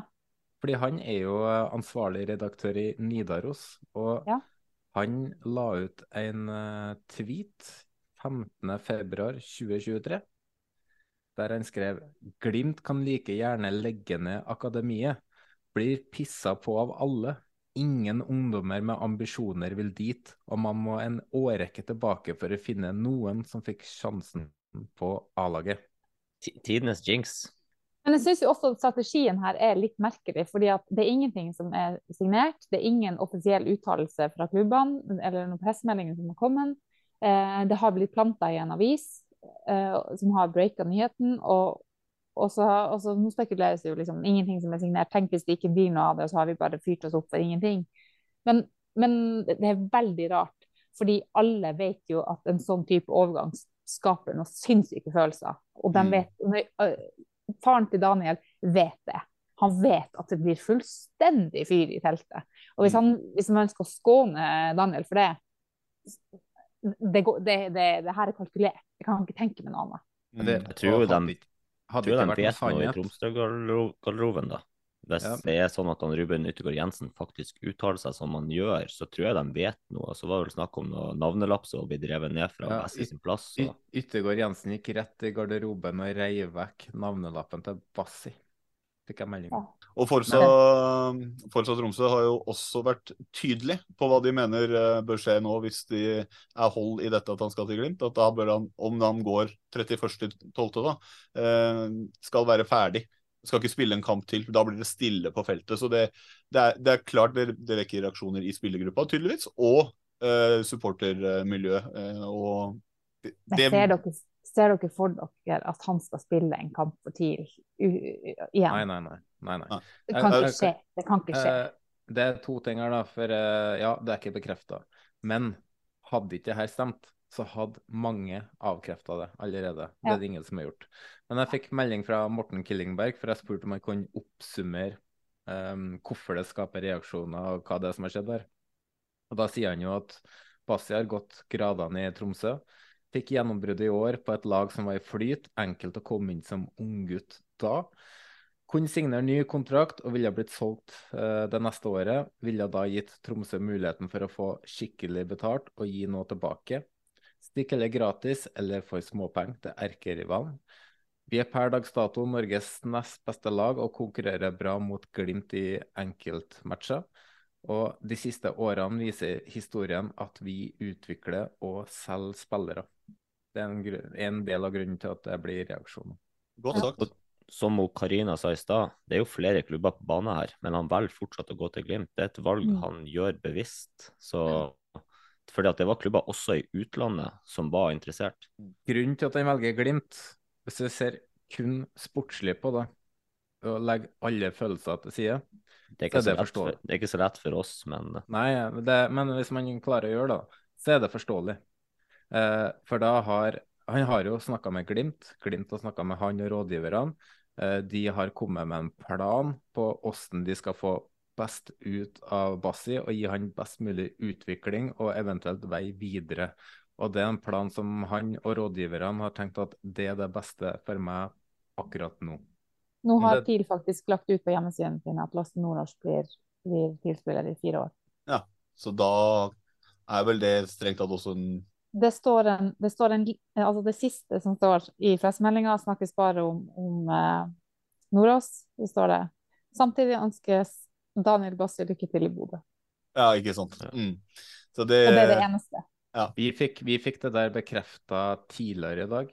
Skal vi slenge Lasse Nordås inn på slangelista, var det det? Han drar jo fordi at Men det, det, bare for å ta det, da. For noen vil argumentere for at ja, men da må Lasse Nordås på lista. Lasse Nordås er ikke god nok for Glimt. Han vil ikke bli god nok for Glimt. Og han drar fordi at han må. Ja, det er jo Det er Glimt som åpenbart her sier til han du kommer ikke til å bli den spissen som vi trenger.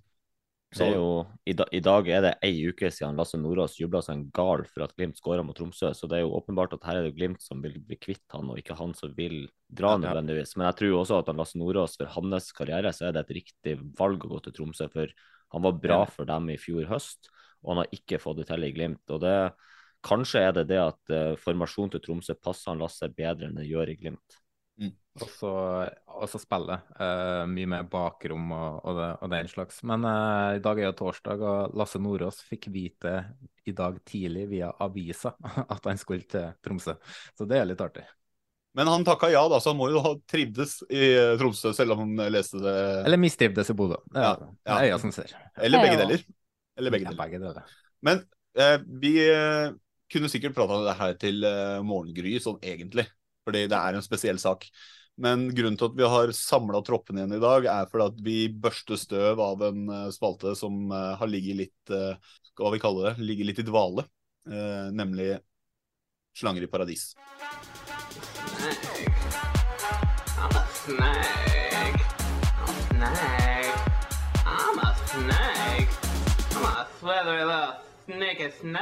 Så da er jo konseptet, for de som ikke har hørt eh, de episodene før, at vi har en liste med kandidater som har blitt fremma som en slange av forskjellige årsaker.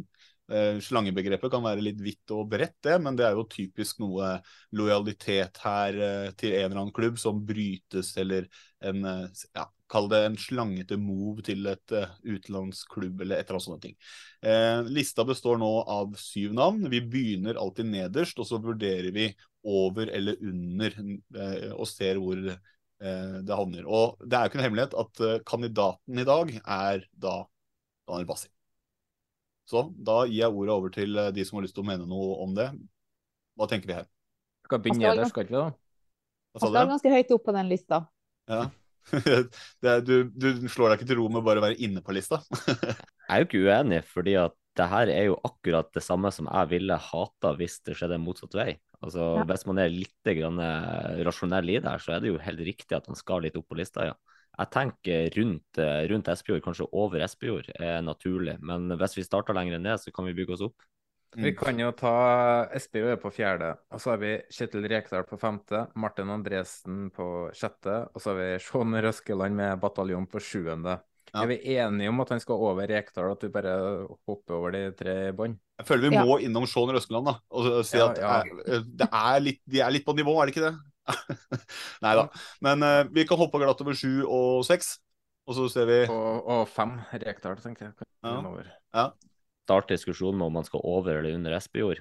Det er jo Eh, For meg gjør det mer vondt med, med Bassi enn med Espejord. For det, det er antagelig fordi han er så ung, og fordi at det er, liksom, det er null kroner. mm. Mm. Espejord kunne ha gitt eh, Espejord ga jo penger til Tromsø først. Ja. Det er viktig å huske når han fort var Nederland, vet du. Eh, så han, ja, Heerenveen, så han har jo gitt penger tilbake. Og strengt tatt så ble han også kjøpt fra Heerenveen til Bodø-Glimt. Ja. Så uh, også, det er, det er sånn det uh, gamet er, da. Ja, ja. Også, også i tillegg så Espejord hadde en uh, viss begrensa hvor mye penger han kunne gitt tilbake til Tromsø om. Han var Tromsø-spiller eh, før han gikk til Glimt. Bassi kunne ha gitt Vi kan gange summen til Mikkelsen da, med to. Så da kjører vi over eller under Espejord. Jonas? Over. Frank? Nei, jeg kan være enig med over Espejord. Karina? Over. Ja, ok. Da, og da er vi jo egentlig over eller under Laioni, da? Er ikke det? Ja. Og, der, og der kommer det jo andre ting inn i bildet. Der er det jo, ikke, der er det jo faktisk eh, hvordan han håndterte saken sjøl, hvordan han oppførte seg i media og diverse som kommer inn igjen. Og jeg syns jo ikke han Bessie har eh, uttalt seg eh, noe stygt eller noe sånt. Det virker jo som at han faktisk, selv om at han ikke kanskje sjøl forstår hvor ille det er å gå til rivalen, så virker det ikke som at han har ei ond hensikt eller noe stygt til klubben, akkurat. Nei. Men uh, han veit jo hva han gjør, tror jeg. Tror du ikke det? Jeg tror det. Så det blir sånn Det Laioni er visste viktig, å ha med i gjorde. at han er, han er 18 år, og når jeg var 18, så gjorde jeg veldig mye dumt, altså. Ja, du gjør veldig mye dumt ennå, du da, Jonas. eh, er det Nei, at når vi- under Laioni. Jeg, jeg, jeg er med på den. Når vi snakker om eh, Bassi nå, så snakker vi egentlig om Bassi og teamet hans, da. Det kan vi Ja. være enige om, for han tar ikke valget her alene. Jeg? Altså, jeg skulle egentlig ikke alle agenter. er dere liksom er, OK, men, jeg, får høre, da. Du, du er Vålerenga-supporter. eh, hvis, hvis du tar med teamet, da, Jonas. Alle agenter skulle vært på denne lista her. Ja, ja, sånn sett, ja. Nei, det er ikke alle Men, men la meg høre nå. La meg høre nå.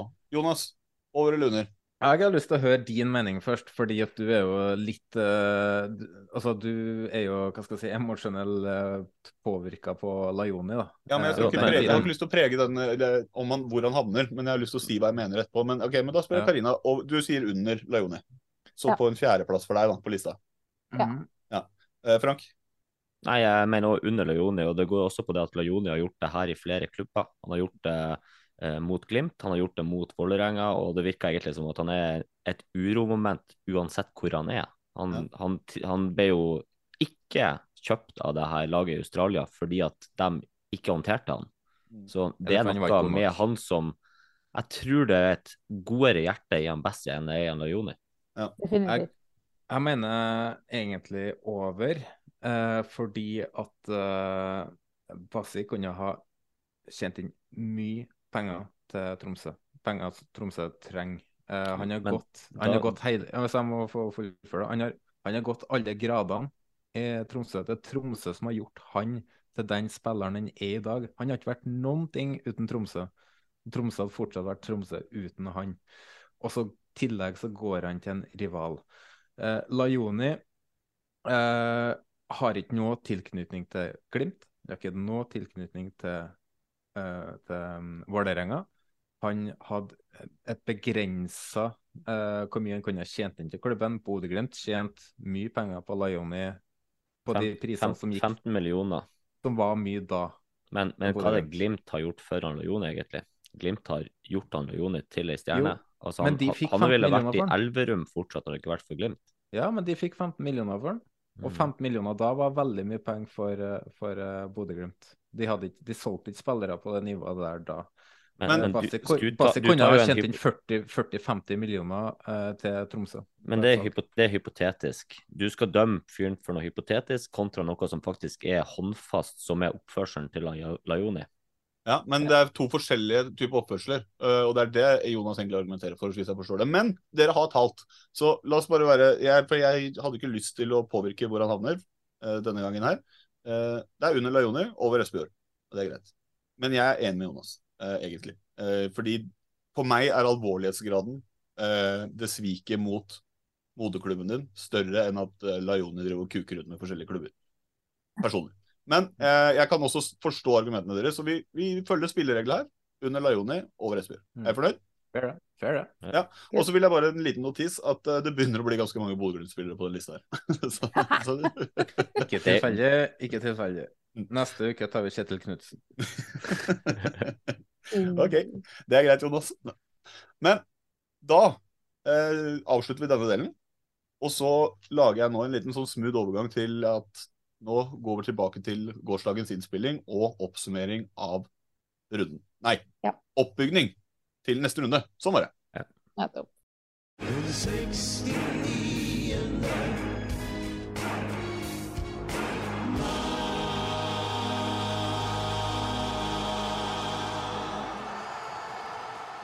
Yes, da er det på tide å se mot eh, neste runde, og vi har kamp allerede på fredag. Det er bunnoppgjør mellom eh, Kamma og Ålesund, og hva tenker vi der? Er det en kamp du blir å se, Karina? Um, det, den, den går klokka sju. Nei. Jeg- eh, også, hadde, hadde det vært tid, så hadde den stått på, men den, den kampen der, dessverre, den har jeg ingen følelser for. Enn eh, dere gutta? Snorre?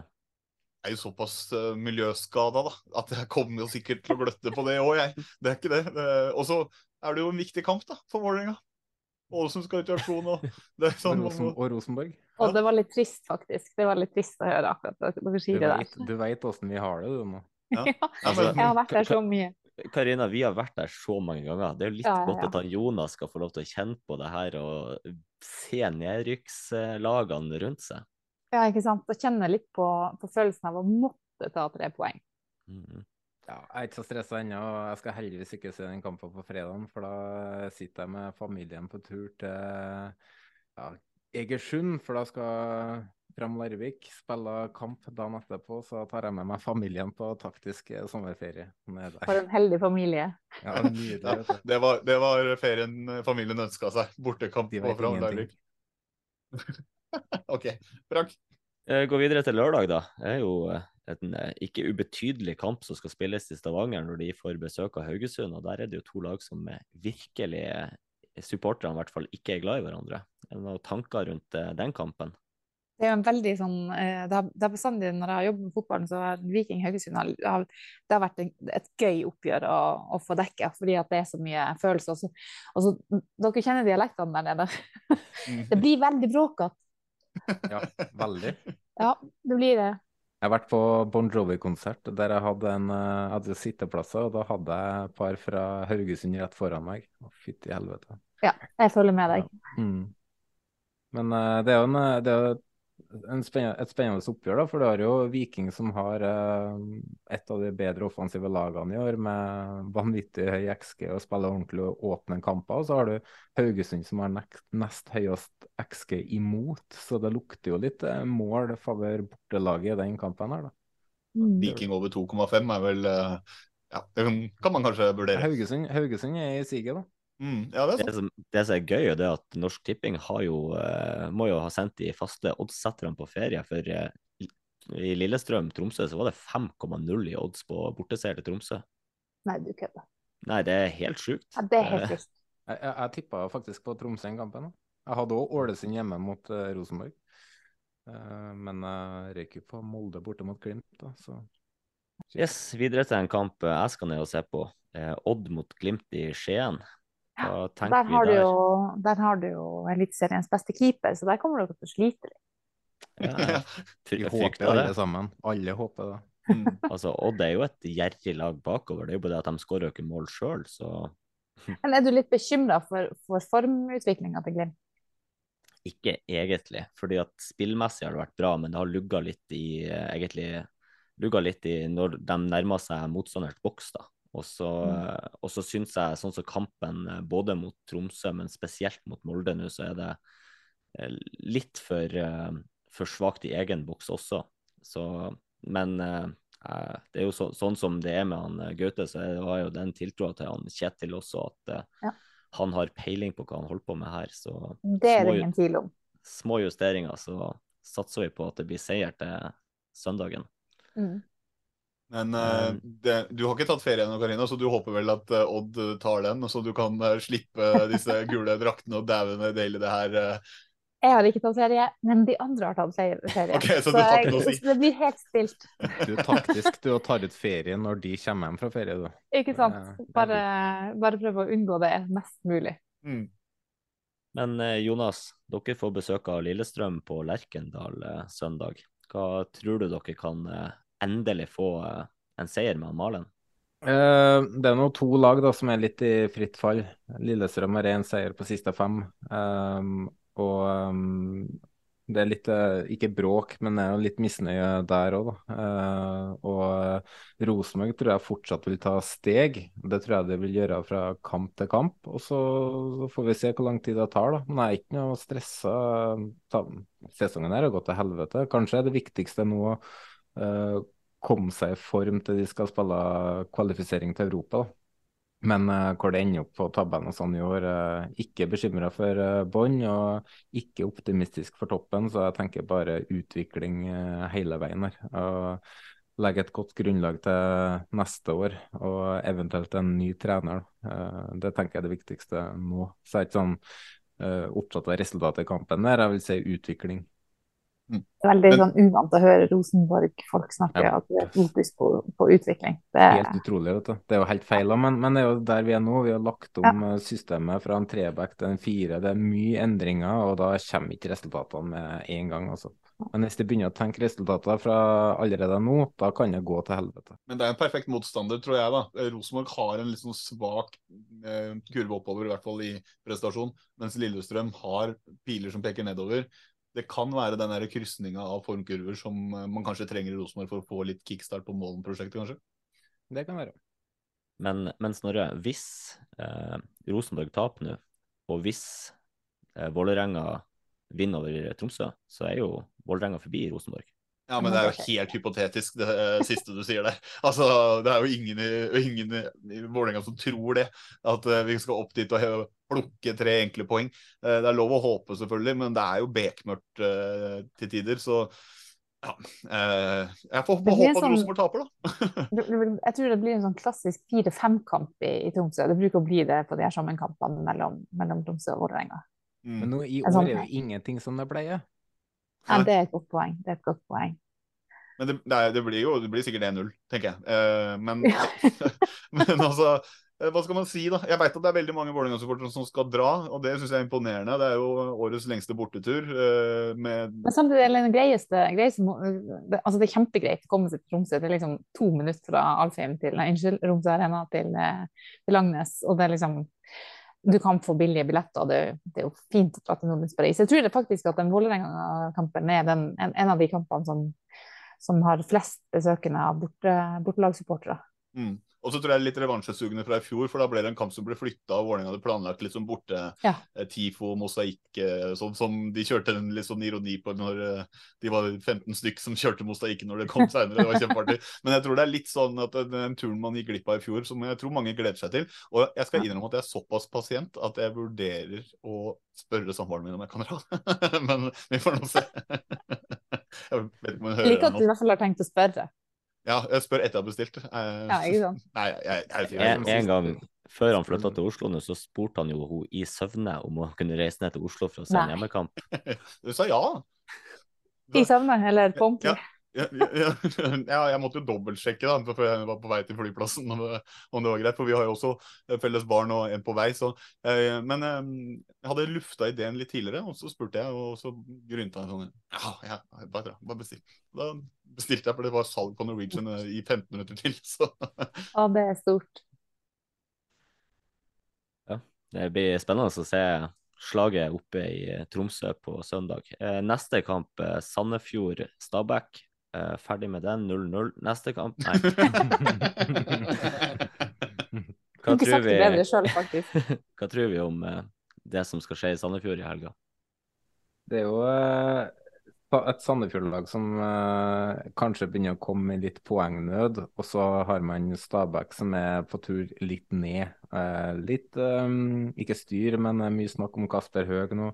Bakenga som egentlig ble vraka i sist kamp, men som eh, måtte starte likevel. Um, og ikke var helt happy med det. Um, tidligere arbeidsgiver for um, Lars Bohinen. uh, nei, det, det, det, det er et oppgjør som kan ende begge veier, men jeg tror kanskje det uh, lukter hjemmeseier i den kampen. jeg tror 0-0 er ganske safe. Jeg, også. Eh, Jeg, også, jeg, det, jeg bare tenker 0-0 med en gang. Mm. Kasper Høeg soner vel karantene litt til, er det ikke det? Har du en kamp eller to til? Han fikk vel to kamper, var det ikke det? Ja, da er det- så han skal det- stå over nå òg. Ja, så- Da ble det 0-0, da. Det skriker i hvert fall ikke underholdende fotball av denne kampen, men det er jo lov å håpe at uh, vingene til Sandefjord har dagen, for da kan det jo skje noe. Ja. Eh, nest siste kamp, uh, Godset mot eh, et av de lagene som virkelig har fått målproduksjon i gang, uh, Sarpsborg.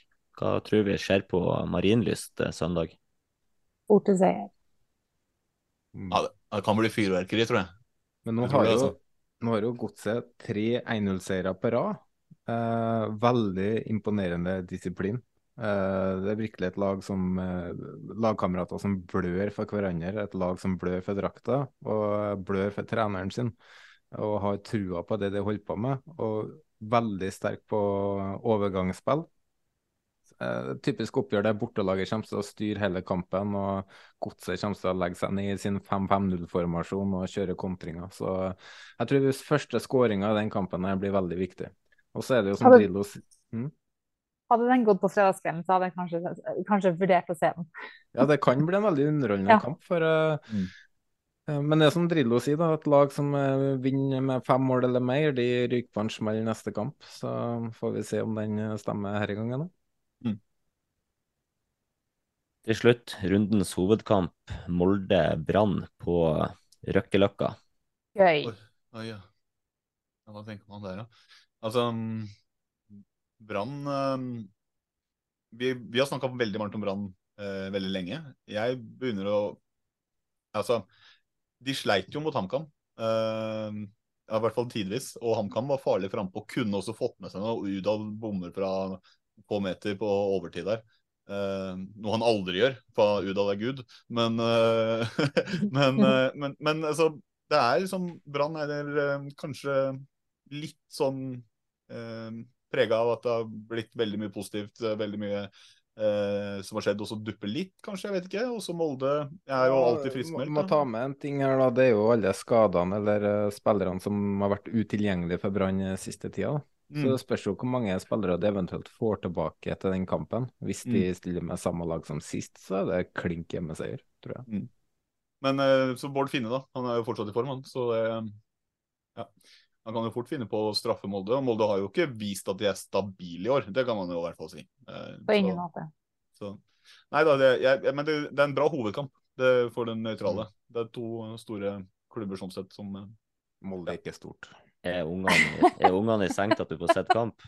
Sett, altså den, den hovedkampen på søndagen den bruker jeg faktisk å få med meg ganske, ganske ofte. Um, så det blir en, uh, blir en søndag med, med fotball på, på TV-en også. Og så, og så er den jo litt bråkete, den kampen òg. Men den er bråkete og kan bli artig å se på, ikke bare bråkete. Så det, det du ser, er det at det er 1-1 til pause mellom Tromsø og VIF, og når du da kommer for å skal se hovedkampen og du ser resultatet, så har Tromsø vunnet 2-1.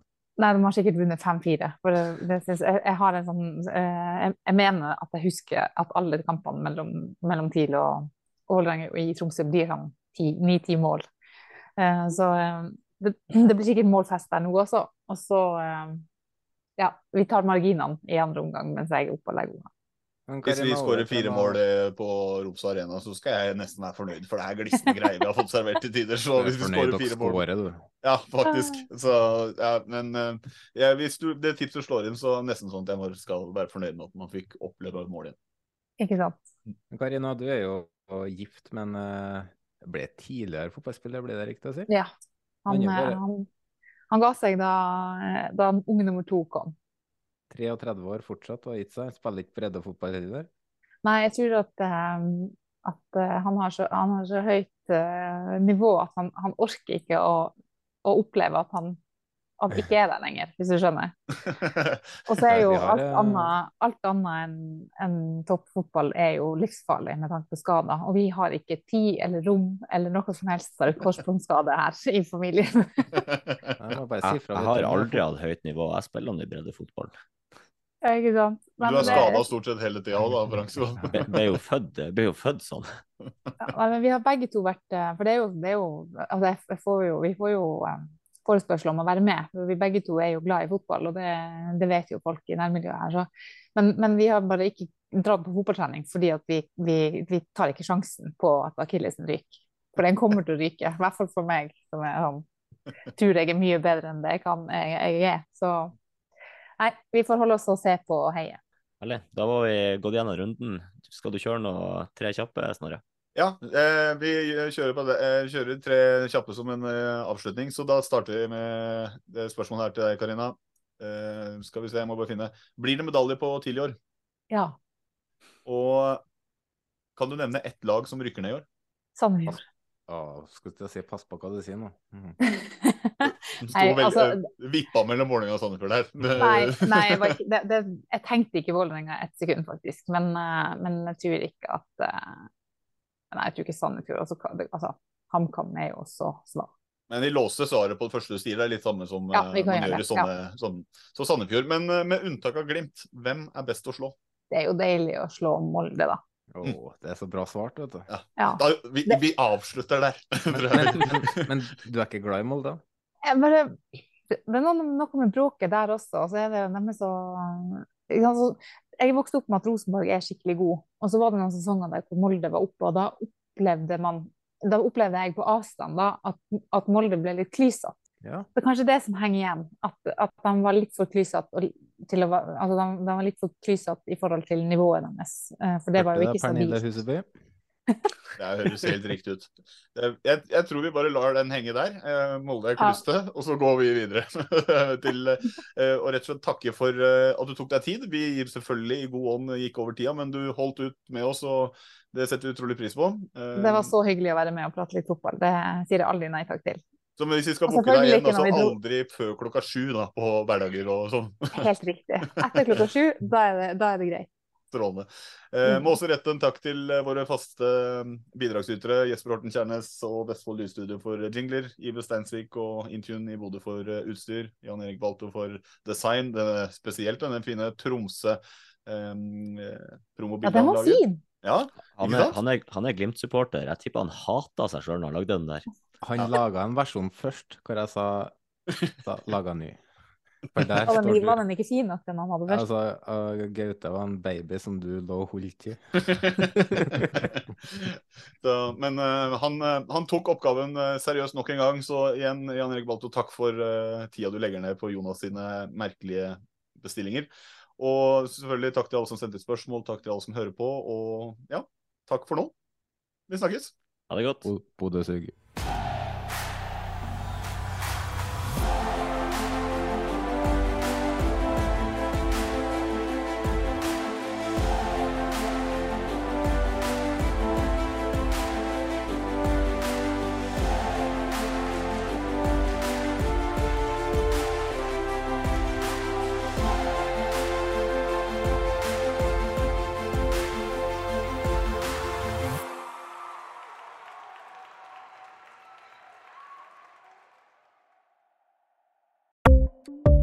Ukens annonsør er HelloFresh. HelloFresh er verdens ledende matkasseleverandør og kan være redningen i en travel hverdag. Mange av oss har nok vandret i butikken både sultne og uten en plan for middagen, som ender med at vi går for de samme kjedelige rettene gang på gang.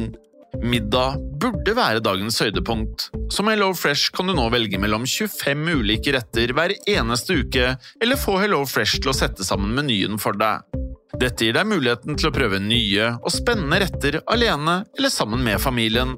Du velger antall porsjoner og får alt levert på døren på et tidspunkt som passer for deg. Oppskriftene er enkle, og maten er lett å lage både for store og for små. Ved å få alt levert hjem får du også mer tid til å dele matgleden med familie og venner. Kanskje det frister med asiatiske tacos eller greskinspirert kylling? Da kan jeg anbefale deg om å gå inn på hellofresh.no.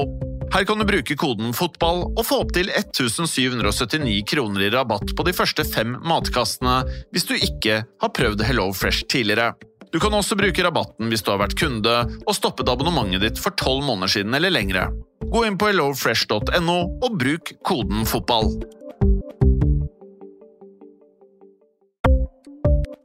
Ukens annonsør er Folio, en smartere banktjeneste for deg som har en egen bedrift eller ønsker å starte for deg selv. Folio er en superenkel nettbank for bedrifter. Som kunde i Folio får du en bedriftskonto med et bedriftskort og app. I denne appen er det smarte løsninger som forenkler regnskapet ditt, uansett om du har en liten bedrift eller et enkeltpersonsforetak. Folio er både intuitivt og brukervennlig, og er laget med et enkelt språk. I tillegg tilbyr de forutsigbare priser og ingen skjulte gebyrer. Skulle du likevel trenge det, så kan du snakke med deres raske og hyggelige kundeservice, og der får du prate med en faktisk person og ikke en chatbot. Folio er med andre ord både enklere og koseligere enn banken. Over 10 000 bedrifter har allerede valgt Folio som sin banktjeneste, så besøk folio.no og se hvordan Folio kan forenkle din hverdag også. Har du et enkeltpersonforetak eller en liten bedrift? Da er du sikkert lei av å høre meg snakke om hvor enkelt det er med kvitteringer og bilag i fiken, så vi eh, gir oss her, vi. Fordi vi liker enkelt. Fiken superenkelt regnskap.